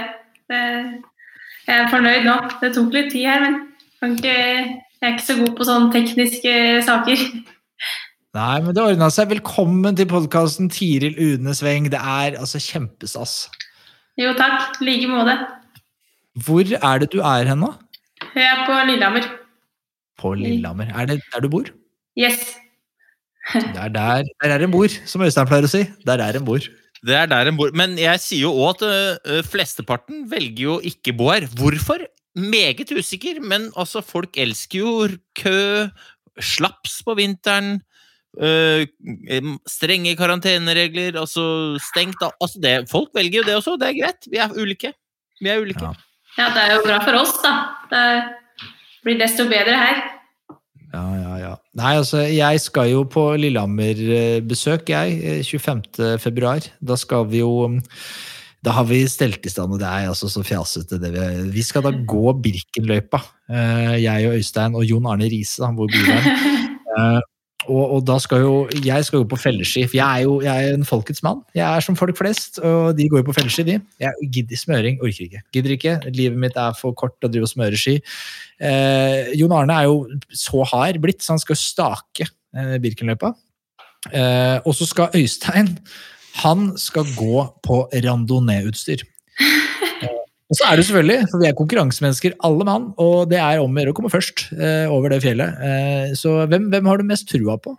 Eh, det var mye forskjellige handikaps der, da, spør du meg. Men eh, Jon Arne Riise han veit at jeg går på rulleski, i hvert fall. Nå veit jeg ikke med deg, da. Men, eh, ikke så god på rulleski. Ikke så god på rulleski, i hvert fall. Ja, ski er det vel nå, da, men eh, Nei, jeg tror jeg tror eh, det blir tungt med randonee-ski, da, men har, du, har, du brukt, har, du, brukt, eh, rando før? Ja, jeg har gått mye rando. Ja. har, du noen, har, du noen, tips, uh, siden det sporer helt av fra start her? Har du noen tips til meg? Uh, ja, altså, for, Det er fordel å ha litt raske feller under. da. Du skal vel ha det, regner jeg med. I hvert fall oppover. Ja, det må nok ha. Det, det, er jo noen som er veldig treige, og noen som er raske. Så da ville jeg i hvert fall tatt raske. Raske feller. Det er eh, God bli på fellene. Altså, Er det som raske briller, liksom? At det bare er stilig, eller er det faktisk det har en hensikt? ja, ja, det har en hensikt. Det- Ja, det har det. Ja. Ja, ok, Vi får hoppe tilbake, fordi vi, vi, vi dette er jo en podkast hvor alt skjer. og, og alt som ikke, altså Det er som Murphys lov, denne podkasten. Alt som kan gå galt, eh, går galt. Og det er en god ting. Er, vi snakka om det i begynnelsen av poden. Er, det er, er det ikke litt sånn før et godt løp til at du sover litt dårlig og ting er ikke helt eh, i vater, og så bare klinker man til med det råeste løpet? Ja, det, det er ofte litt kaos før start på dager hvor, eh, hvor det er ekstra viktig, i hvert fall. Så da glemmer man litt ting, sover litt dårlig, og det, det går litt i surr. Men eh, når man først står på start, så er man klar. Ja, for enkelte, enkelte mister jo hodet og begynner å ta chins i dørkarmer og det som verre er. Altså, folk går Mister det er bananas. Det er bananas. Men øh, Falun, øh, Tiril, Ja, det var bra det, eller? Jo, det var bra. Det var jo det. Men eh, ja, jeg føler jo at eh, et par prosent opp så hadde det vært veldig, veldig bra, da. Men eh, jo, da er jeg fornøyd. Ja, og når du sier det, hva mener du med det? Eh, nei, det er jo det er ikke så langt opp, i hvert fall på sprinten i går, da. Så ser jeg jo at det er ikke så mye som mangler før jeg kunne vært med og kjempa om en enda bedre plassering. Og det, det er jo på en måte gøy å se, og samtidig litt kjipt at det ikke er der. Mm. Ja, for vi, vi, kom, vi, kom, vi snakka jo med Youngie eh, om dette, og vi kom jo ikke helt i havn med sprintdistansene, men, men på kvinner her Linn Svan virker utrolig sterk da, eh, i sprint. Eh, hva må til for å slå Linn Svan i VM-a? Ja, det, det, virker jo nesten umulig, spør du meg. Det, hun er jo helt rå, så altså, det er jo ikke umulig. Men eh, favoritt det er hun, hun, skal leve opp til det, og det kan vi kan jo håpe at det knekker av litt, da, presset. Men eh, nei, hun er rå. Men altså, for å, skal ikke jeg komme med taktiske tips her, men jeg vil tro at der man kan ta henne, er jo på et felt jeg tror du er bedre enn henne på, og det er jo på kapasitet på utholdenhet. Og du har jo, du ser jo prologene dine og de, de, de heatene du går når du klinker til fra start. Så sliter jo folk med å henge med. Og så vet ikke, Jeg husker ikke helt den løypa Oberstdorf, det er vel noen glipartier og sånn på slutten der òg. Men altså, hvis du klarer å få luket henne tidsnok, er ikke det kanskje måten å ta henne? Ja, hvis det går, så, så er jo det Altså, jeg tar jo ikke en spurt, så det er jo den eneste sjansen, kanskje. Men nå så jo finalen i går, så klarte jo ikke jeg å henge på hun da. Så det, man må ha krefter i en finale, og det, det hadde ikke jeg i går, i hvert fall. Men, men, det var jo litt på spill i går. Tror du at uh, hvis du hadde Når det kommer til VM, kan du gå roligere i kvarten og semien og spare krefter til finalen? For du gikk jo knallhardt både i kvart og semi. Uh, og på en måte, det er jo, Jeg har jo sagt tidligere i den podkasten det er bedre å komme seg til finalen sliten enn å stå og se på semien pigg. Uh, men kunne du ha gått, løst det annerledes, sånn at du hadde hatt mer krefter i finalen? Ja, det kunne jeg nok gjort. Jeg tenkte jo litt som du sier her, at det er bedre å komme til finalen enn å stå pigg og se på. Så jeg var litt med den innstillinga. Men eh, hvis jeg skulle være, ha den posisjonen i VM, så håper jeg at jeg kan holde en litt mer innledende hit, ja. Eh, hvis ikke så er det jo Man vil jo ikke komme til en finale for å være publikum heller, akkurat. Det. Nei, nei. Men det er jo Altså, Linn Svan er jo ikke bare en sprinter. Eh, det skal jo sies at hun Hun gjorde jo decent på lørdag. Eh, og da til og med med et smil. Eh, Hanso, jeg vet ikke om du la merke til men da, da, da kosta Tilla på, med på seg et smil. Altså, det er jo rått. Men jeg tenker at hun har én svakhet til. Hun blir litt stressa. Og grunnen til at jeg sier det, er jo da hvordan hun behandla din kjære søster Tiril i kvarten. Da var hun litt under press, litt usikker, og så istedenfor å bare velge sitt eget spor, som hun kunne ha gjort, så går hun jo rett og slett rett over Lotta. Hun burde jo, i mine øyne, blitt diska, selv om jeg registrerer at Linn Svan bare står og snakker med Stenberg og ønsker din kjære søster god jul tilbake igjen. Men altså, Linn Svan, kom igjen, da. Kall en spade for spade. Vi vet du er verdens beste for tiden men vi kan gå fair. Ja, det Jeg er jo helt enig med deg der. Hun kunne jo spart seg for den manøveren. Det er ikke tvil om. Det, var mange sinte norske folk på stadion der i går som ja, litt oppgitt over en jury som eh, i hvert fall jeg mener ikke gjør jobben sin. Da. Jeg gjør jo en lignende manøver sjøl i semifinalen og får i hvert fall en verbal warning. Og det fortjente jeg, men det hadde hun fortjent òg, minst. Men det er litt artig, for det, det er litt sånn nytt. Men hva, hva er egentlig verbal warning? Altså Kommer det da noen sier Tiril Udnesveng, you just received a verbal warning. Eller er det noe? Er det noe? Eller er det bare noen som sier Oi! ja, det, det, kom en dame og sa det til meg, i hvert fall. Men eh, altså, det, har jo ikke noe, det, det betyr jo ingenting. I hvert fall Jeg vet ikke om man kanskje Om man får eh, nummer to, så kanskje det blir et gult kort. da, Jeg aner ikke. Jeg brydde meg ikke så mye. i hvert fall. Det kommer liksom opp på Jan Post og Torgeir Børnem sier ja, nå har hun akkurat fått en verbal warning, og det er jo betyr ikke en dritt. Det betyr ikke en dritt. Nei, det gøyeste er hvis hun leverte det til deg med et smil. Det hadde jeg gjort. Jeg hadde vært han fyren som sier sånn Yes, det er en verbal warning! Lykke til! Ja, men, ja. Og, og, og, når det er litt lengre løp, så får man det liksom Da kommer det opp underveis. Jeg ja. han der Brygger der, ikke sant, som uh, kitta Young ut og Valnes ut. og Han fikk sikkert en liten rolig verbal warning. Yes, Brygger, come on, you are now in 27th position, and you just received the verbal warning. Ja. Nei, jeg vet ikke hva poenget er. Det er vel bare for å vise at uh, Jeg vet ikke. At man gjør noe som man ikke burde gjort. Dette er sysselsetting i praksis. Altså, man må bare finne på noen jobber her. Eh, noen sa at du kan være verbal warning-boss. ja, det er sikkert godt betalt. Ja. Men jeg må, jeg må bare Litt dårlig forberedt her igjen. Jeg har litt lite strøm på dataen. men Jeg må løpe og hente laderen. Ja, det er lov. Det er en del av eh. Det skal være sånn. Åh, det er så deilig. Dere kan klippe og lime, kan dere ikke det? Vi kan, det hvis vi gidder. Ikke, men uh, ikke det. Nei, jeg skal være kjapp. ja, ja, det vet vi. Vi vet at du er rask. Oi! Jeg tenker at noen uh, Altså, her er det neste renn, så tenker jeg Nå har jeg challenge til Tiril Lotta. Den som blir dårligst i neste renn, må smøre den døra. For altså, det, er jo, altså, det er jo alle som hører på den poden her nå, hørte at den døra må smøres. før nå, når den kommer tilbake. Eh, Tiril? Ja? Kan du ta så åpne og lukke skyvedøra en gang? Bare åpne den helt, og så lukker du den, og så åpner den litt. Og så, og så gjør du nå. Og så, og så, så lukker du den og åpner den igjen. Ja vel.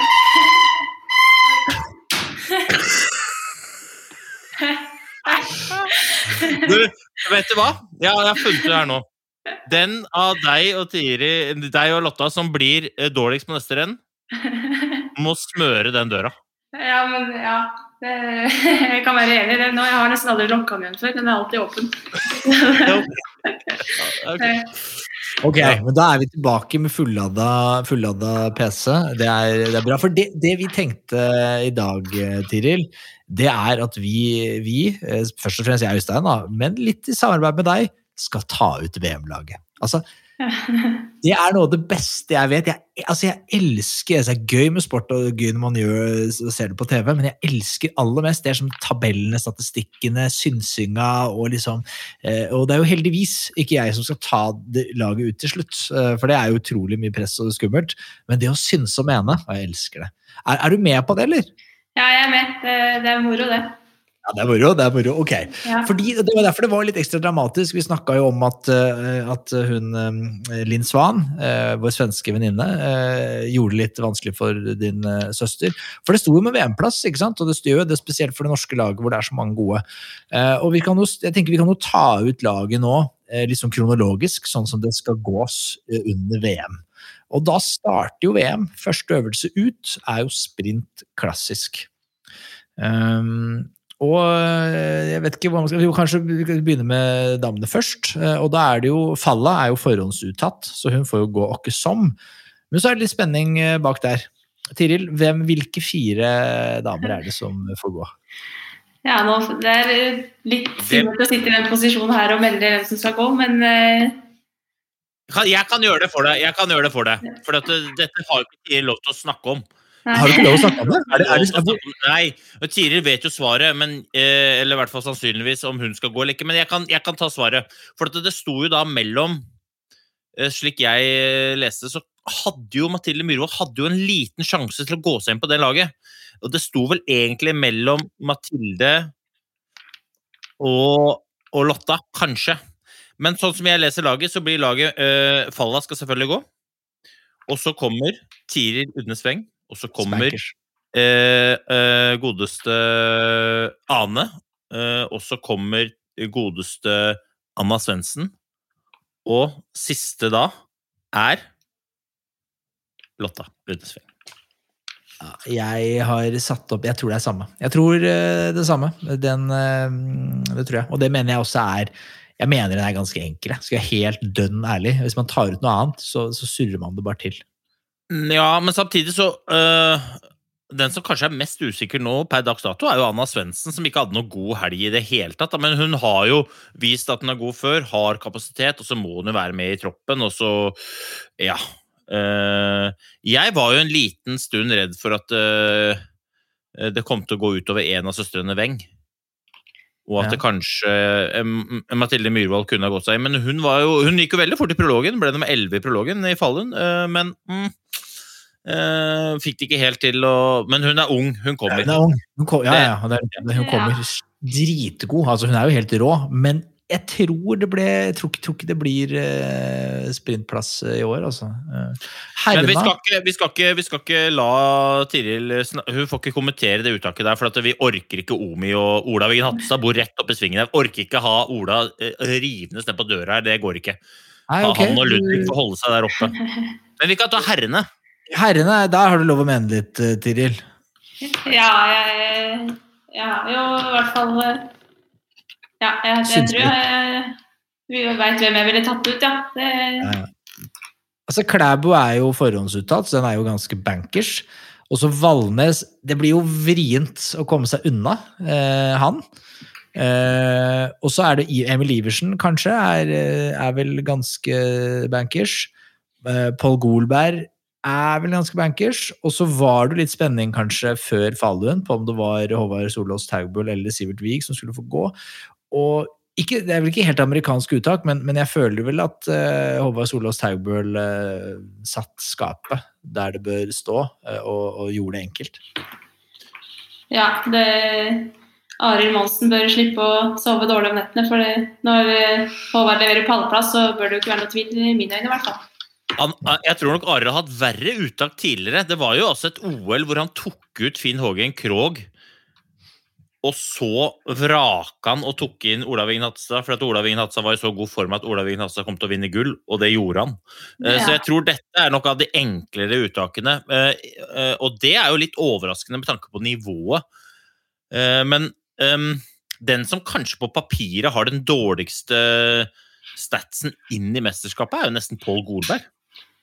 Altså, Paul er jo vanvittig god, men har ikke hatt så rå sprinter. Han, øh, han, han har jo òg sagt at han har vært litt sånn usikker på det, men samtidig så har jo han han har jo vært litt som Bolsjunov omtrent. Har gått alt av distanser og vært sinnssykt god. og Det brenner jo så mye krutt at det, jeg skjønner at han ikke har det siste giret. Og så vet jo alle sammen hva Pål er god for når Pål virkelig er i draget. Og han ble nummer to i prøve, ble han ikke det? Ja, han ble to, ja. Så det Han viste i hvert fall hele sesongen i fjor at han, eh, han var på pallen mange i klassisk sprinter. Så jeg tenker jo at eh, det er dumt å ikke ha med han i troppen, ja. Ja, klassisk sprint, altså da må han bare sette av plass. Pall Golberg, bankers, inn med han. Eh, det er ikke Ruka, der er han jo alltid dritgod, men det er nesten det, det, får, det får gå, altså, det mener jeg. Og så er det bra reserve i Jan Sivert Wiig, og det er, det er så mye bra. Så det, det kommer til å altså, Hvis ikke Norge vinner herresprinten, da Nei, vi kan ikke begynne der. Nei, ikke begynn, for nå har vi gått nå, nå skal vi først gå Birken på Rando, og så får vi ta det andre får vi ta etter hvert. Nå er det ikke noe flere dumme utsagn her. Men, men skiatlan, det er den andre distansen. Jeg merker Hvis ikke, hvis ikke du kan kommentere egne uttak, tidligere, det skjønner jeg jo, da. Så for jeg mener du er aktuell for alle distanser. Altså det har du, hvis du har hørt på podden, så vet du det, Tiril, at eh, jeg har trua. Men, men vi kan jo skiatlon for kvinner, damer. Johaug er jo forhåndsuttalt, hun. eh, og blir vanskelig å komme rundt. Heide Weng, Fossesholm. Og så er det to plasser til som det er litt spenning knytta til. Eh, Øystein, hva, hva tenker du om det? Ja, nå, med, Er det to plasser til? Eh, ja, ja, det er to. Therese pluss fire. Selvfølgelig. selvfølgelig. Ja, det er to plasser til. Nei, da tenker jeg jo at uh, det står to navn på de. Og det ene er Tiril Udnesveng, og det andre er Anne Kjersti Kalvo. Ja. Men så har du Ragnhild Haga. Ragnhild Haga, ikke Ja, hun gjorde det vanskelig. Ja, hun kom inn og bare er jo Altså, det er jo Vi glemmer jo ikke Pyeongchang som med det første. Så dama er jo Men, men jeg tenker faktisk at eh, Kalvå tar den plassen foran Ragnhild Haga. Jeg gjør det. Ja. Ja, altså, og, så kunne hun jo potensielt utkonkurrert eh, dagens podkastgjest, da, men her, og det er jo det jeg har sagt mange ganger før, da, så er mitt argument for hvorfor jeg ville hatt med deg, Tiril, på de, den type distanse framfor Ragnhild Haga, og for så vidt Kalvå, det er fordi at eh, vi blir, vi er ikke med, tenker jeg da, vi er ikke med i mesterskap og på distanser for å bli nummer åtte. Artig med noe matte. vanvittig imponerende, altså kjempestas. Vi vil jo ha medaljene, og da må man ha en finish som det freser litt av.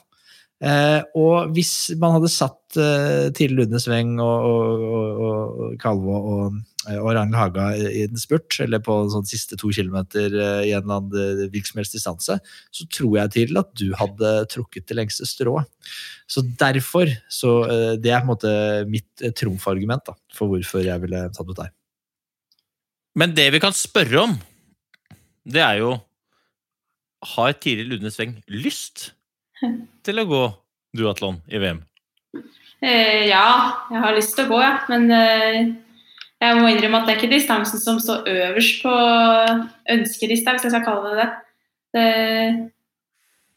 Jeg kommer jo ikke til å gå alt. Det er jo Det, det har jeg ikke kapasitet til, for å si det sånn. Da ligger jeg som et slakt før eh, jeg kommer halvveis i mesterskapet. Men eh, så hvis jeg skal velge ut en distanse jeg ikke skal gå, så tror jeg faktisk skiatlon Hvis jeg er tatt ut, da. Det veit jeg ikke. Så, så ryker den før noe annet, ja. Er det noe du har kommunisert? Nei. Eh, Nå Ja, ja, ja.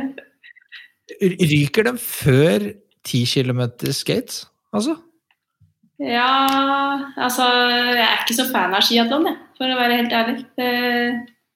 Jeg liker fellesstart, men jeg liker ikke skibytte.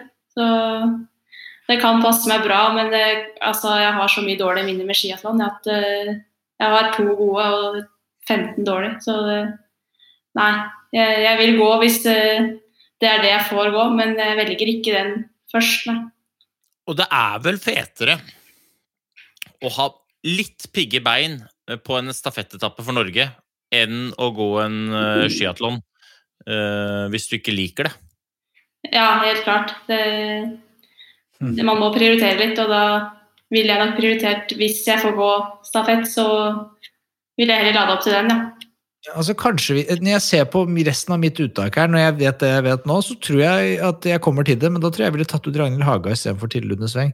Og det er basert på informasjon du sier, Tiril, eh, og vi, og vi kommer til hvorfor, for jeg har deg på et par andre greier her, skjønner du. Eh, vi, vi, vi kan gå til herrene. Eh, der er jo sju røde forhånd, forhåndsuttatt. Eh, også Iversen har jo vunnet det meste som er av skiatlons i år, så han må man ha med. Klæbo, det er vanskelig å unngå Klæbo, altså. Det er det. Eh, og så er det de to siste plassene. Um, og der mener jeg det er jo da eh, Krüger, Golberg og Holund sannsynligvis som står først i køen. Hvem er det som får de to siste plassene av Tiril? Ja, Den uh, syns jeg er vanskelig. Man må jo vrake en potensiell eh, medaljevinner, så Ja, jeg, jeg tenker jo at Krüger bør få gå, men uh, i og med at han vant OL på samme distanse og Men uh, nei, herregud, det er vanskelig. Jeg klarer ikke å ta stilling til det, kjenner jeg. Nei? Ja, den er ikke lett, altså. Eh, Den er, den er, den er ikke lett. Jeg, jeg tenker jo at Jeg ville jo hatt Golberg, jeg, da. Og så enten Krüger eller Holund, fordi at hvis det blir lureløp, så er eh, Golberg bedre enn eh, de to andre i avslutning.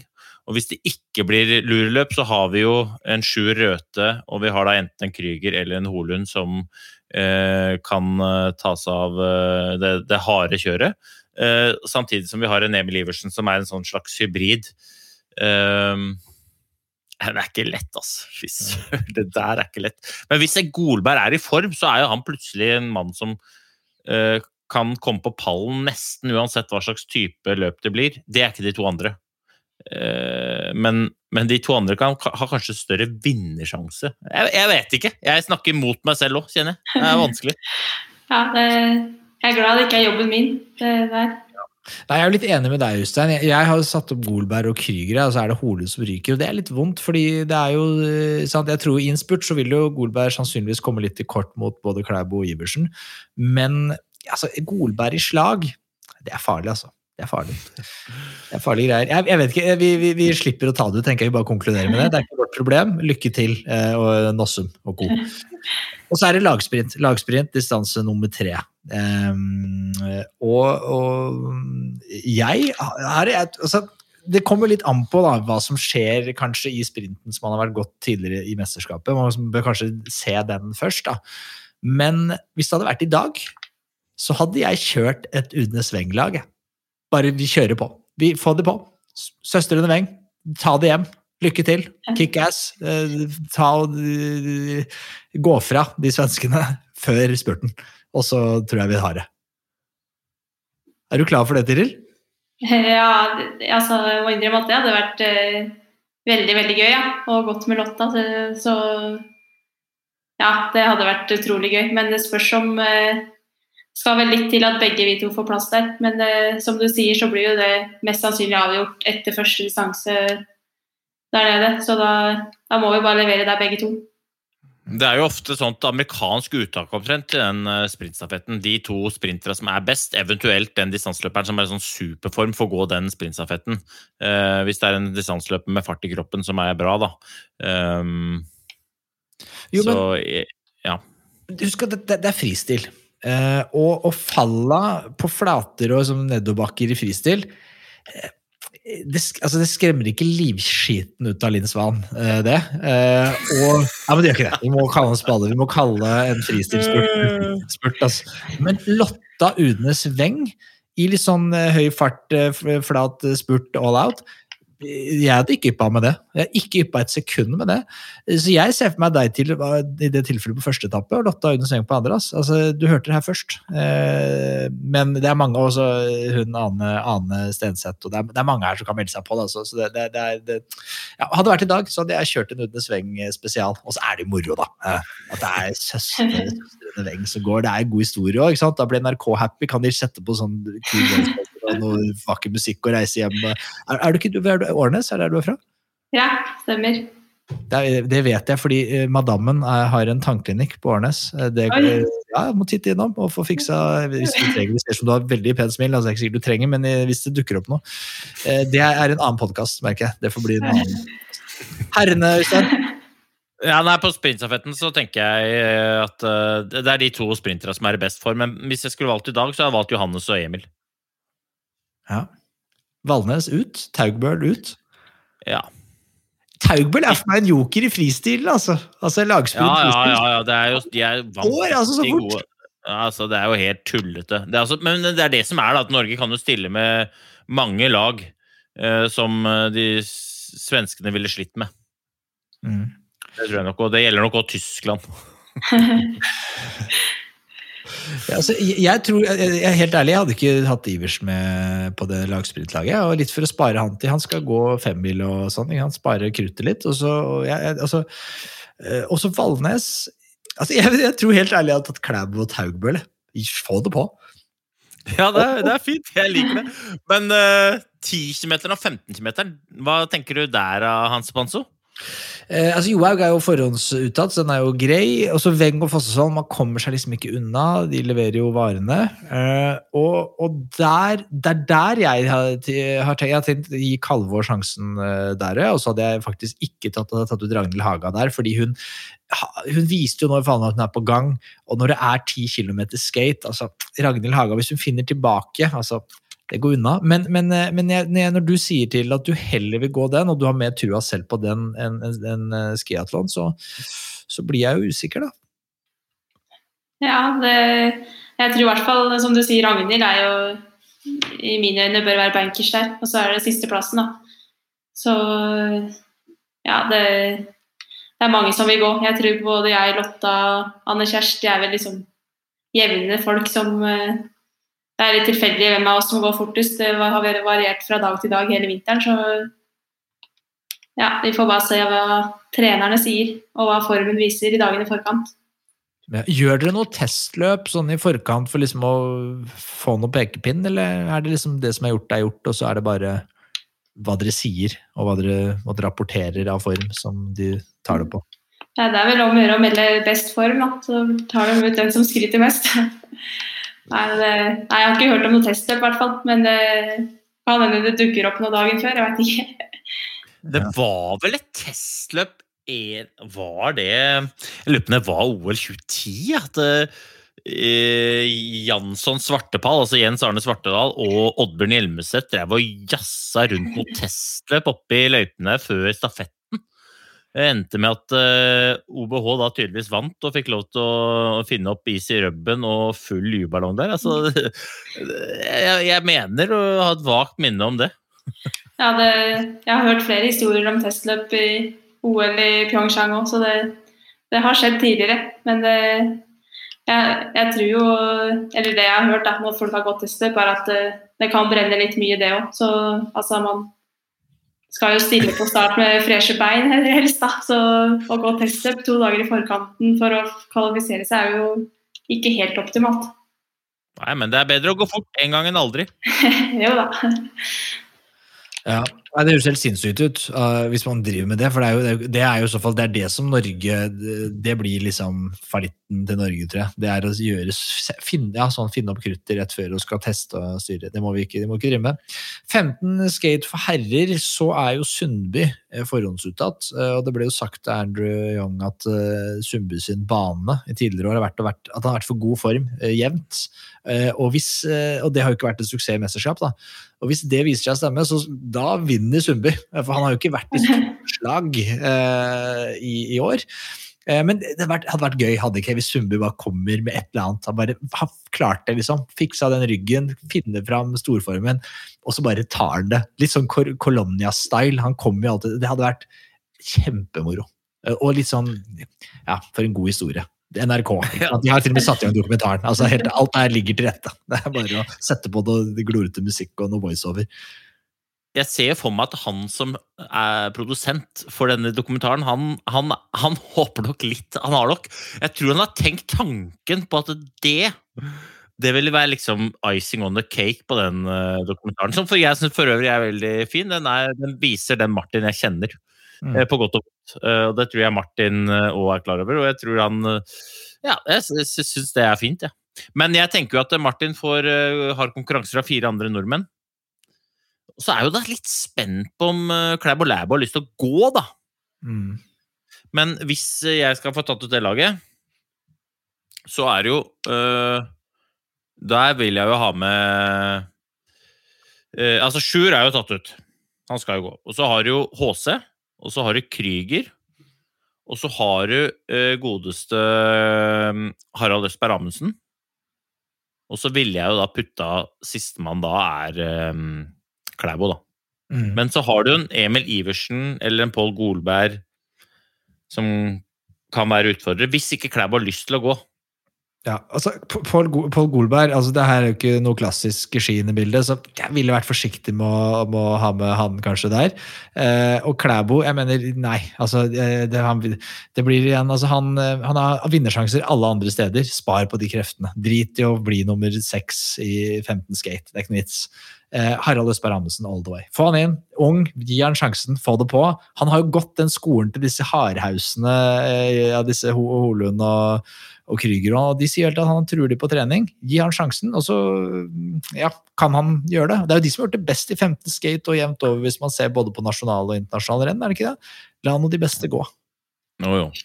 Ja, Men da Jeg er helt enig der. Jeg syns Østberg Amundsen bør få sjansen, helt klart. Han har vært så stabil òg, så det Jeg tror han kan eh, være god nok for medalje, faktisk. Det hadde vært gøy. Og så, og så er det jo uh, tremil og femmil. Som er eh, Nei, ja, det er vel det vi har før det. Du må glemme ja, det viktigste. Vi tok ut stafettlaget sist gang, da, til vårt forsvar. Eh, men før tremil og femmil så er det stafett, da. Vi kan jo ta dem først. Eh, det diskuterte vi litt sist, jeg vet ikke om du har hørt det, Tiril, men vi, vi tok ut stafettlaget. Eh, vi kan ta herrer først denne nå, da, siden vi, vi kommer til eh, damestafetten. Og, og herrer, Øystein, hva var det vi landa på der? Nei, Jeg husker ikke, men vi var vel enige om at uh, det var greit å ha Klæbo på siste. Dette var det godt kort. Og så ville vi jo ha med Golberg uh, i en klassisk etappe. Og så måtte vi ha med en Emil Iversen. Eh, og så var det jo da hvem er det som går den siste etappen, og da fant jo vi ut at det var sju røte som vi skulle ha på tredje etappe. Da. Men, eh, men her må man jo velge de som er i form. ikke sant? Hvis en Harald Østberg Amundsen slår til med medalje på 15 skate, så må jo han selvfølgelig skøyte. Ja. Hvis Emil Iversen eller Pål Golberg ikke viser form, så må jo da må man omrokere litt. Eh, men vi sa vel at det var Emil Iversen, Pål Golberg, sju røte og eh, Johannes Østfold Klæbo. Ja, ja, nesten. Jeg, på, jeg mener vi skal ha det laget som gikk i, i, i Lahti, men at det er amerikansk uttak på tredje etappe. Den beste Ja. på 15 skate, få det på.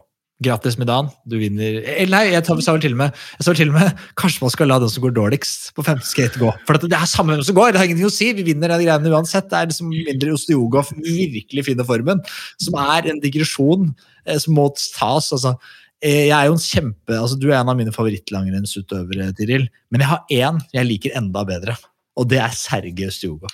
For en mann, altså. Det er så deilig, det er så bra for sporten å ha Sergej Stjugov tilbake. Det er show, du vet aldri hvor du har han. Han har en sånn ja, det er, Han er så, så rå. Så, så jeg, jeg heier på Sergej Stjugov, fordi han, han er en bad guy. På, altså jeg vet ikke, han er, han er en good bad guy. Eh, Det elsker jeg. Men, men til, vi, la oss, eh, før vi, dere, du henger deg på, Øystein, på den digresjonen, så må vi gå til, gå til eh, kvinnestafetten og laget der. Og der har jeg en fasit. Jeg vet ikke, så vil dere diskutere det? Det er greit hvis dere vil, men jeg har fasit. Kjør fasit! Ja, det høres lettvint ut. Det er veldig lettvint. Ok, Jeg har alltid vært glad i fasiter. Det er noe av det beste som fins. Ok, hør nå. Hør nå. Det, for dette, dette er så nøye gjennomtenkt. Fordi, ok, vi må tenke litt nå. Hva, hva er det som er målet med damestafetten, Tiril? Hva, hva, hva, er det, vi- må klare? Er det, det er én oppgave vi har, og da vinner vi. Eh, og hva er den oppgaven? Eh, Ja, så da må man ha luke på siste etappa. Det mest sannsynlig. Vi må slå Sverige. Og, og hvordan slår du Sverige? Du ligger jo foran, du. Du er altså så skarp. Det er jo, Vi må ha luke til siste etappen. Vi kan, det, er viktig. Eller det, det er iallfall en fordel. Uh, og, og da må vi tenke litt hvordan er det Sverige vil komponere laget sitt. Uh, jeg tror de vil liksom være litt strategiske. De vil prøve å sette det opp eh, litt opp mot Norge, men de er nødt til å de har Linn Svan på siste, sannsynligvis. De kommer nok til å kjøre Frida Karlsson på andre etappe, fordi hun er ikke så god i feltet, og da kan hun pumpe på i form og matche Johaug litt. Ebba Andersson, ikke så god klassisk, hun må jo gå tredjeetappe, tenker jeg. Det er liksom det, det ender der. Eh, og hvem er det som går førsteetappe da for Sverige? Blir sånn Maja Dahlqvist eller hvem er, en eller annen de setter på. Men det vi ser da, hvor er det svake punktet? Hvor er det svake punktet? Det svake punktet er på første etappe. Så hva må vi gjøre da? Vi må sette et sterkt kort som kan gå ifra på første etappe. Så jeg mener Heidi Weng på første etappe. Fordi Heidi Weng, kom, og, og Heidi Weng har en oppgave. Du skal bare gå det remmer og tøy kan holde, og prøve å få en luke. Fordi hva er nøkkelen? Jo, nøkkelen der blir da at eh, Johaug og Karlsson, hvis de går ut likt? Hvis det blir likt der, hvis ikke man har fått den luka første, så klarer nok Frida Karlsson å henge på Johaug. Det er dårlig. Dårlig idé. Det kan vi ikke la skje. Men hvis Johaug har en luke på Frida Karlsson, lykke til, Frida Karlsson! Det kommer ikke til å gå. Johaug kommer til å øke luka. Og så kommer vi til tredje etappe. Da mener jeg vi har Fossesson. Fossesson mot, eh, mot uh, Ebba Andersson. Jeg tror det er ganske likt, så den luka kommer til å holde seg. Og da kommer vi til siste etappe. Og da på siste etappe så må vi, vi må ha en som er god. En som kan holde luka, ideelt sett. Gå aleine, cruise. Det kommer forhåpentligvis til å bli en sånn behagelig og god etappe. Litt nerver er det, det er siste etappe, det er VM, det er mye står på spill. Eh, men vi må ha en person som også dersom de tre første ikke har lykkes helt og ikke har fått den luka, så må vi ha en som har hope in a hanging snore, som Nils Arne Eggen sa, til å slå eh, Linn Svan i en spurt. Og da er det bare én jeg kan komme på, og det er Tiril Udne Sveng. Det er Tiril Udne Sveng som må gå siste etappe for Norge. Det er så enkelt, det er ingen som snakker om det. Hvorfor gjør de ikke det? Det er, det er fasit. Hvis, ellers, ellers så taper vi. Dønn fuckings ærlig. Vi kan ikke gjøre noe annet. Fordi, og det og det liksom, nei, det jeg, jeg ser ingen annen måte hvor Norge kan vinne stafetten, men så tror jeg Sverige tar det. Så Heidi Weng på første, Therese Johaug på andre, Helene Fossestad på tredje, Tiril Udne Sveng på fjerde. Det er done deal. Det er ikke noe mer å snakke om. Hva tenker du, Tiril? Er du, er du beredt for det? Er du klar for å gå siste dag for Norge? Jeg ble svett i her, men det Ja, jeg veit ikke om eh, det, Altså, det er en offensiv og lagoppstilling, og det, det er jeg enig at man må ha. Når jeg føler at en medalje er ganske safe for Norge uansett hvordan laget er. Så man må jo gå for gull. Men eh, ja, jeg veit ikke om eh, de to midtetappene er De er som, de er som du sier, da, tenker jeg. Så er det hvem som går først og hvem som går siste, da. Det, Heidi går Men tenk, tenker, du at, tenker du at du har bedre sjanse til å gå fra Sveriges førsteetappeløper enn Heidi Weng? Nei, nei, nei. nei. Eller tenker du at du ikke har lyst til å ha ansvar på siste etappe? Eh, altså hvis jeg er den som i teorien er best til å ha på siste etappe, så tar jeg den. Men jeg tenker at eh, Heidi er ikke dårlig i en spurt, hun heller. Og hun Ja, jeg tror hun kan gjøre en like god jobb som meg. Vi vil ikke ha spurt. Nei. Vi vil ha norsk eh, flagg på oppløpet og veiving og god stemning. Eh, det er jo null mennesker der, så noen må sørge for å sette ut det flagget. Det må vi huske. Men, eh, men utover det, så vi vil jo ha at du eller Norge skal komme inn på den stadion uten å måtte spurte mot eh, Linn Svan. Ja, ja, altså det, det, Hvis ting går som planlagt, så høres det veldig fint ut å ha den siste etappa. Så ja takk. Men eh, da er jeg avhengig av eh, at eh, disse tre andre går som olje og lin og gir meg mange sekunder å gå på, så, så skal jeg ta den, altså. Men kjøper du logikken litt her? Fordi ja, Dette har jeg tenkt nøye på. så jeg, det, det er ikke helt bare frimelding. Dette her. Dette har jeg tenkt nøye på. At, det mener jeg, og jeg mener, dønn ærlig, Hvis jeg skulle tatt ut laget, så hadde jeg gjort det på den måten. Med den argumentasjonen som jeg brukte der. Og jeg tror, jeg tror helt ærlig da, at hvis du går første på Heidi Wengo siste, så er, da tror jeg det, er en svakere plan. da. Dårlig strategi. Ja, det, altså jeg gikk jo første etappe nå i Lahti, og jeg, jeg veksla ikke akkurat først. Så jeg ser jo at, eh, og jeg vet jo at eh, mest sannsynlig så bør vi gå ifra på første etappe allerede. da. Hvis ikke så, er det, så har svenskene litt overtaket. Ja. Så nei, jeg liker jo litt tankegangen, ja. Men det, nei, vi får se. Formen Bare la, den, bare la denne her modne du nå, når du går rundt nå ikke sant, i Ingalomi og koser deg, så bare ligger du bare og marinerer på hvordan du skal bare gønne ut fra siste, på siste etappe. Og sette litt eh, negativ sekundering i sekken på de svenske kjegerne. Og så kan du bare defilere de to siste kilometerne, og det går på, det går på flyten. Det er bare å kose seg. Ja, det, det høres veldig komfortabelt ut, det der, altså. Skal Nå, nå hører jeg jo at det kommer noen inn den der lydløse døra. Ja, det, det er det her. Ja, for du satte deg rolig på kjøkkenet der, ja. Ja, Det er god stemning. Ja, der kommer det. Der har vi altså, Nå er det, nå er det Norges VM-lag i sprintstafett som står og lager seg litt eh, kveldsfika. Det er det er ålreit. Det, det er uh, skipodden du får det. Det er kun der. Det er så digg, det. Er hun kan spørre henne raskt om hun er klar for å gå lagsprintappe med deg under VM, eller? Jeg skal spørre Lotta. Er du klar for å gå teamsprint i VM? Dårlig spørsmål. Det var et dårlig spørsmål, sier jeg. Ja, Men du sa jo ikke hvem hun skulle gå sammen med. Du skal gå med meg. Ja, det var et dårlig spørsmål, det òg. Ok, ja, ja. Nei, vi jobber. Vi er en fersk podkast, må du si. Vi... Ja, det er en fersk podkast, så må du ikke dømme så hardt. Det er en fersk podkast, så du ble litt såra her. Det var ironi. Det var ironi. Ok, det var ironi. Ja, bra. Ja, det er bra. Det er bra. Vi, vi, har, vi har siste distanse her, bare for å ta det nå. for vi har, det, det tar jo tid, vi bruker lang tid, men det er eh, en dyd, og det får være greit iblant. 30 km og 50 km. Hvem, hvem går på 30 km, guys? På 30 km så går jo de tre nevnte, og så øh, Altså er, det fem plasser der òg? Ja. Ja. Johaug Ja, er det er det, altså. Johaug, Jeg glemmer jo at Johaug bare sveipa bordet med alt som var der. Nei, da er det jo altså Johaug, selvfølgelig, og så har du fire plasser til. Da Da har du jo selvfølgelig Heidi Weng, og så har du eh, Fossvold, men jeg føler de er ganske bankers. Så har du to igjen, og da det er klart at den siste distansen i VM Man må velge de som er i form, men basert på det som har vært hittil i klassisk, så ville jeg jo tatt ut uh, Ja, altså, jeg ville tatt ut uh, Søstrene Weng, jeg. Ikke Anne med. Kjersti Kalvold, så. Når du sier det sånn, så jeg vil ikke ha verken Anne Kjersti eller Didrik eh, på nakken, så ja, da får Lotta og Tiril eh, slå kron og mynt, og så får uh, mm. Altså, jeg må Og det, det er jo, nå er jo Lotta der, hun er jo, hun er jo allerede hun, er ikke, hun er ikke lydløs i bakgrunnen, det er hun ikke. Nei, Vi hører Jeg at hun er der. er er ikke kjent for å være stille når hun skal være det, i hvert fall. Nei, nei, ja. Hun lager seg noe, noe rolig Hva er det hun lager seg?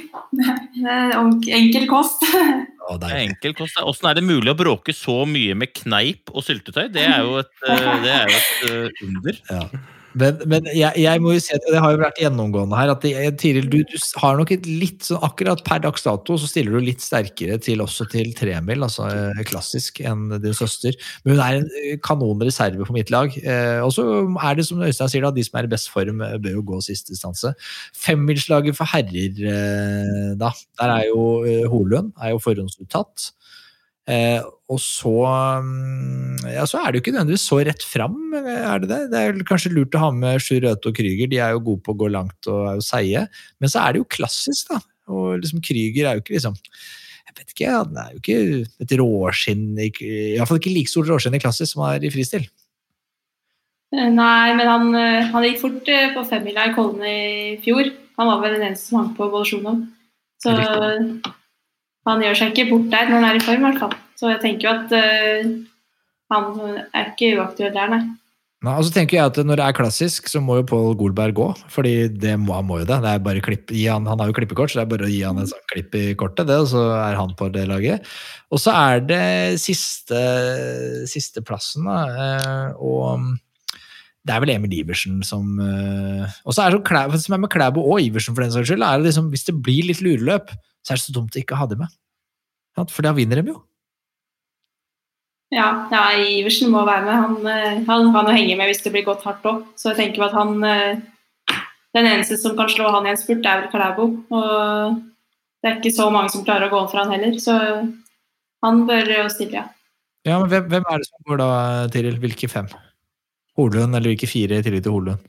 Eh, ja, hvis jeg skulle tatt det ut uten å, å passe meg så ikke jeg sier noe dumt her, da. Men eh, da tenker jeg at Emil eh, Ja, HC, Emil, Pål eh, ja, Krüger og Røthe.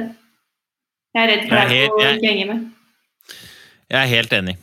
Jeg er helt enig. Og det er klart at det det er digg for eh, Emil å vite at han som eventuelt kan slå han i spurten, ikke går. Da har du gode kort på hånda hvis det blir spurt. Men jeg ser for meg at en type Bolsjunov eller eh, Ivo Niskanen kommer til å prøve å gjøre det som står i deres makt for at det ikke blir spurt. Eh, og det har jo um, Bolsjunov vist at han klarer noen ganger.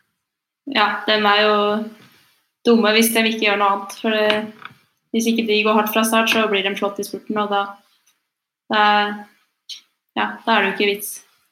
Jeg tror at det er Pål Golberg som vinner femmila. Altså og det fortjener han. Jeg, jeg, jeg, håper- jeg, tror Pål Golberg eh, Det blir gått hardt. kommer til å gå beinhardt.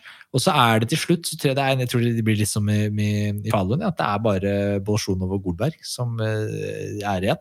Og så håper jeg at Golberg er litt bare har det lille ekstra. Så han har spart litt på den siste toppfinishen på formen, og så tar han det i ben. Det, det er håper jeg. Er det noen, er det noen svensker? Vi, jo, vi glemmer helt Sverige oppi dette. Vi jo en, har en del svenske lyttere til. Hvilke svensker er det som kommer til å gjøre det bra i VM? Bare for å få det på. Eh, ja, det er mange damer som kommer til å gjøre det bra. Det, Så jeg på herresiden. eh, På damesiden så er jo svenskene dritgode. ja, ja, de har jo han sprinter eh, Oskar Svensson. Han, eh, han har jo vært veldig god i år. I både Val di og i Falun i går. Så jeg ser jo for meg at oppløpet i Oberstdorf passer han bra der òg. Så det, det er jo en medaljekandidat. Og så har jo Sverige mm, SVT, Vinterstudioen, pleier alltid å levere. Altså beste som er nå, Jeg skal være veldig forsiktig og si at jeg ikke ser på NRK, for jeg ser på NRK, men SVTs Vinterstudio altså det er, det er, det er topp of the pops. Det er altså, det er så bra stemning, så bra kunnskapsnivå, så bra gjester. Altså, det er bare King Kong jubelong, og jeg tenker jo at eh, de kommer til å lykkes der også. Ja, Har de med influensere og sånn, dem, da? Bloggere og Ja, Det er jeg litt usikker på. Jeg har, ikke, jeg har i hvert fall ikke fått noen invitasjon selv enda, men det er sikkert bare stoppa i mailen. Ja, Men, reality-deltakere. De har ikke kommet til reality-deltakere ennå, Øystein. Nei, nei. Nei, jeg er litt usikker om uh, de har det, men uh, de har jo Per Elofsson er jo ofte innom, og Johanna Ojala er dyktig, og de har jo masse bra. Altså, det er jo bare Ja. Gunde Svan og Nei da. I går så hadde NRK min gode venn Henrik Fladseth på besøk. Altså han, jeg, jeg, tror, jeg, tror ikke han, jeg visste ikke at han vet hva ski er. Altså, jeg, jeg, jeg, altså virkelig, det var sånn What? Så hva gjør jeg? Jeg måtte sende ham melding. Hva, hva foregår? Har de mista det helt? Liksom? Jeg sa sånn, jeg vet da faen. Jeg ble spurt om å komme for noen minutter siden. Rett før sending. Bare hoppa inn. Så de, de har jo kommet seg langt ned på invitasjonslista der. Og vi har ikke blitt invitert, Øystein. Det vi må merke oss. Vi har, Det, det, vi tar det som eh, Du vet ikke om jeg har blitt invitert eller ikke. det gjør jeg ikke. da. Det gjør jeg ikke. Jeg, det, Det, men skal jeg si deg en ting? Jeg har svart nei flere ganger. Dessverre. Ja. Eh, og ikke fordi at jeg ikke har lyst, men fordi at jeg bor på Lillehammer, og de spiller inn et annet sted, og det tar så mye tid. Eh, og den, det er tid jeg ikke har lyst til å bruke på det akkurat nå. Nei. Men det er veldig hyggelig å bli spurt, og jeg kommer til å takke ja en gang. Og da blir det god stemning. Det, vi har jo kommet til bunns i denne podkastgryta. Det har vært kjempehyggelig. Eh, Vi, vi, vi, det er jo leggetid, det er jo over leggetid for alle og enhver. eh, Og vi er, noen spiser kveldsmat. eh, Og vi må passe på at ikke vi tar dyrebare dyrebar restitusjonstiden fra deg, Tiril. Men vi har en, en god venn på laget med, i denne podden her. Han heter Noregard. Han skriver limerics. Han har skrevet et limerick han, til deg. Kanskje det kan hjelpe på med, med formtoppingen inn mot VM. Den lyder som følger. Denne podkasten jobber på spreng for å fremme et viktig poeng. Hvem går siste eh, etappe på stafetten? Noen mener at retten bør tilfalle deg, Tiril Weng. Ja, det, ja! Det er jo det vi skriver! Det er det vi handler om, det er det poden her handler om. Det er det vi gjør det for. Folkens, dette har vært kjempegøy. Tiril, takk for at du satte av tid. Øystein, du er alltid nydelig. Alltid gøy. Um... Det ordna seg. ordna seg. Og Tiril, hils Lotta. Og jeg gleder meg til å få både spist eh, kveldsmat og smurt den døra. Og bare god stemning! jo, tusen takk.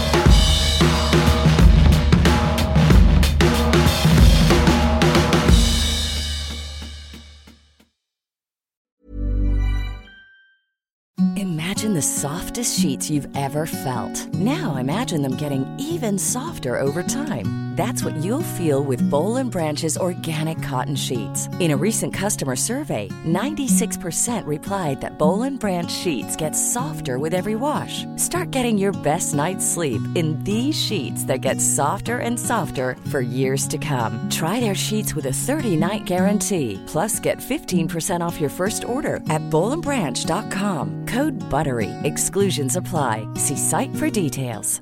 Even when we're on a budget, we still deserve nice things. Quince is a place to scoop up stunning high-end goods for 50 to 80% less than similar brands. They have buttery soft cashmere sweaters starting at $50, luxurious Italian leather bags, and so much more. Plus, Quince only works with factories that use safe, ethical, and responsible manufacturing. Get the high-end goods you'll love without the high price tag with Quince. Go to quince.com slash style for free shipping and 365-day returns.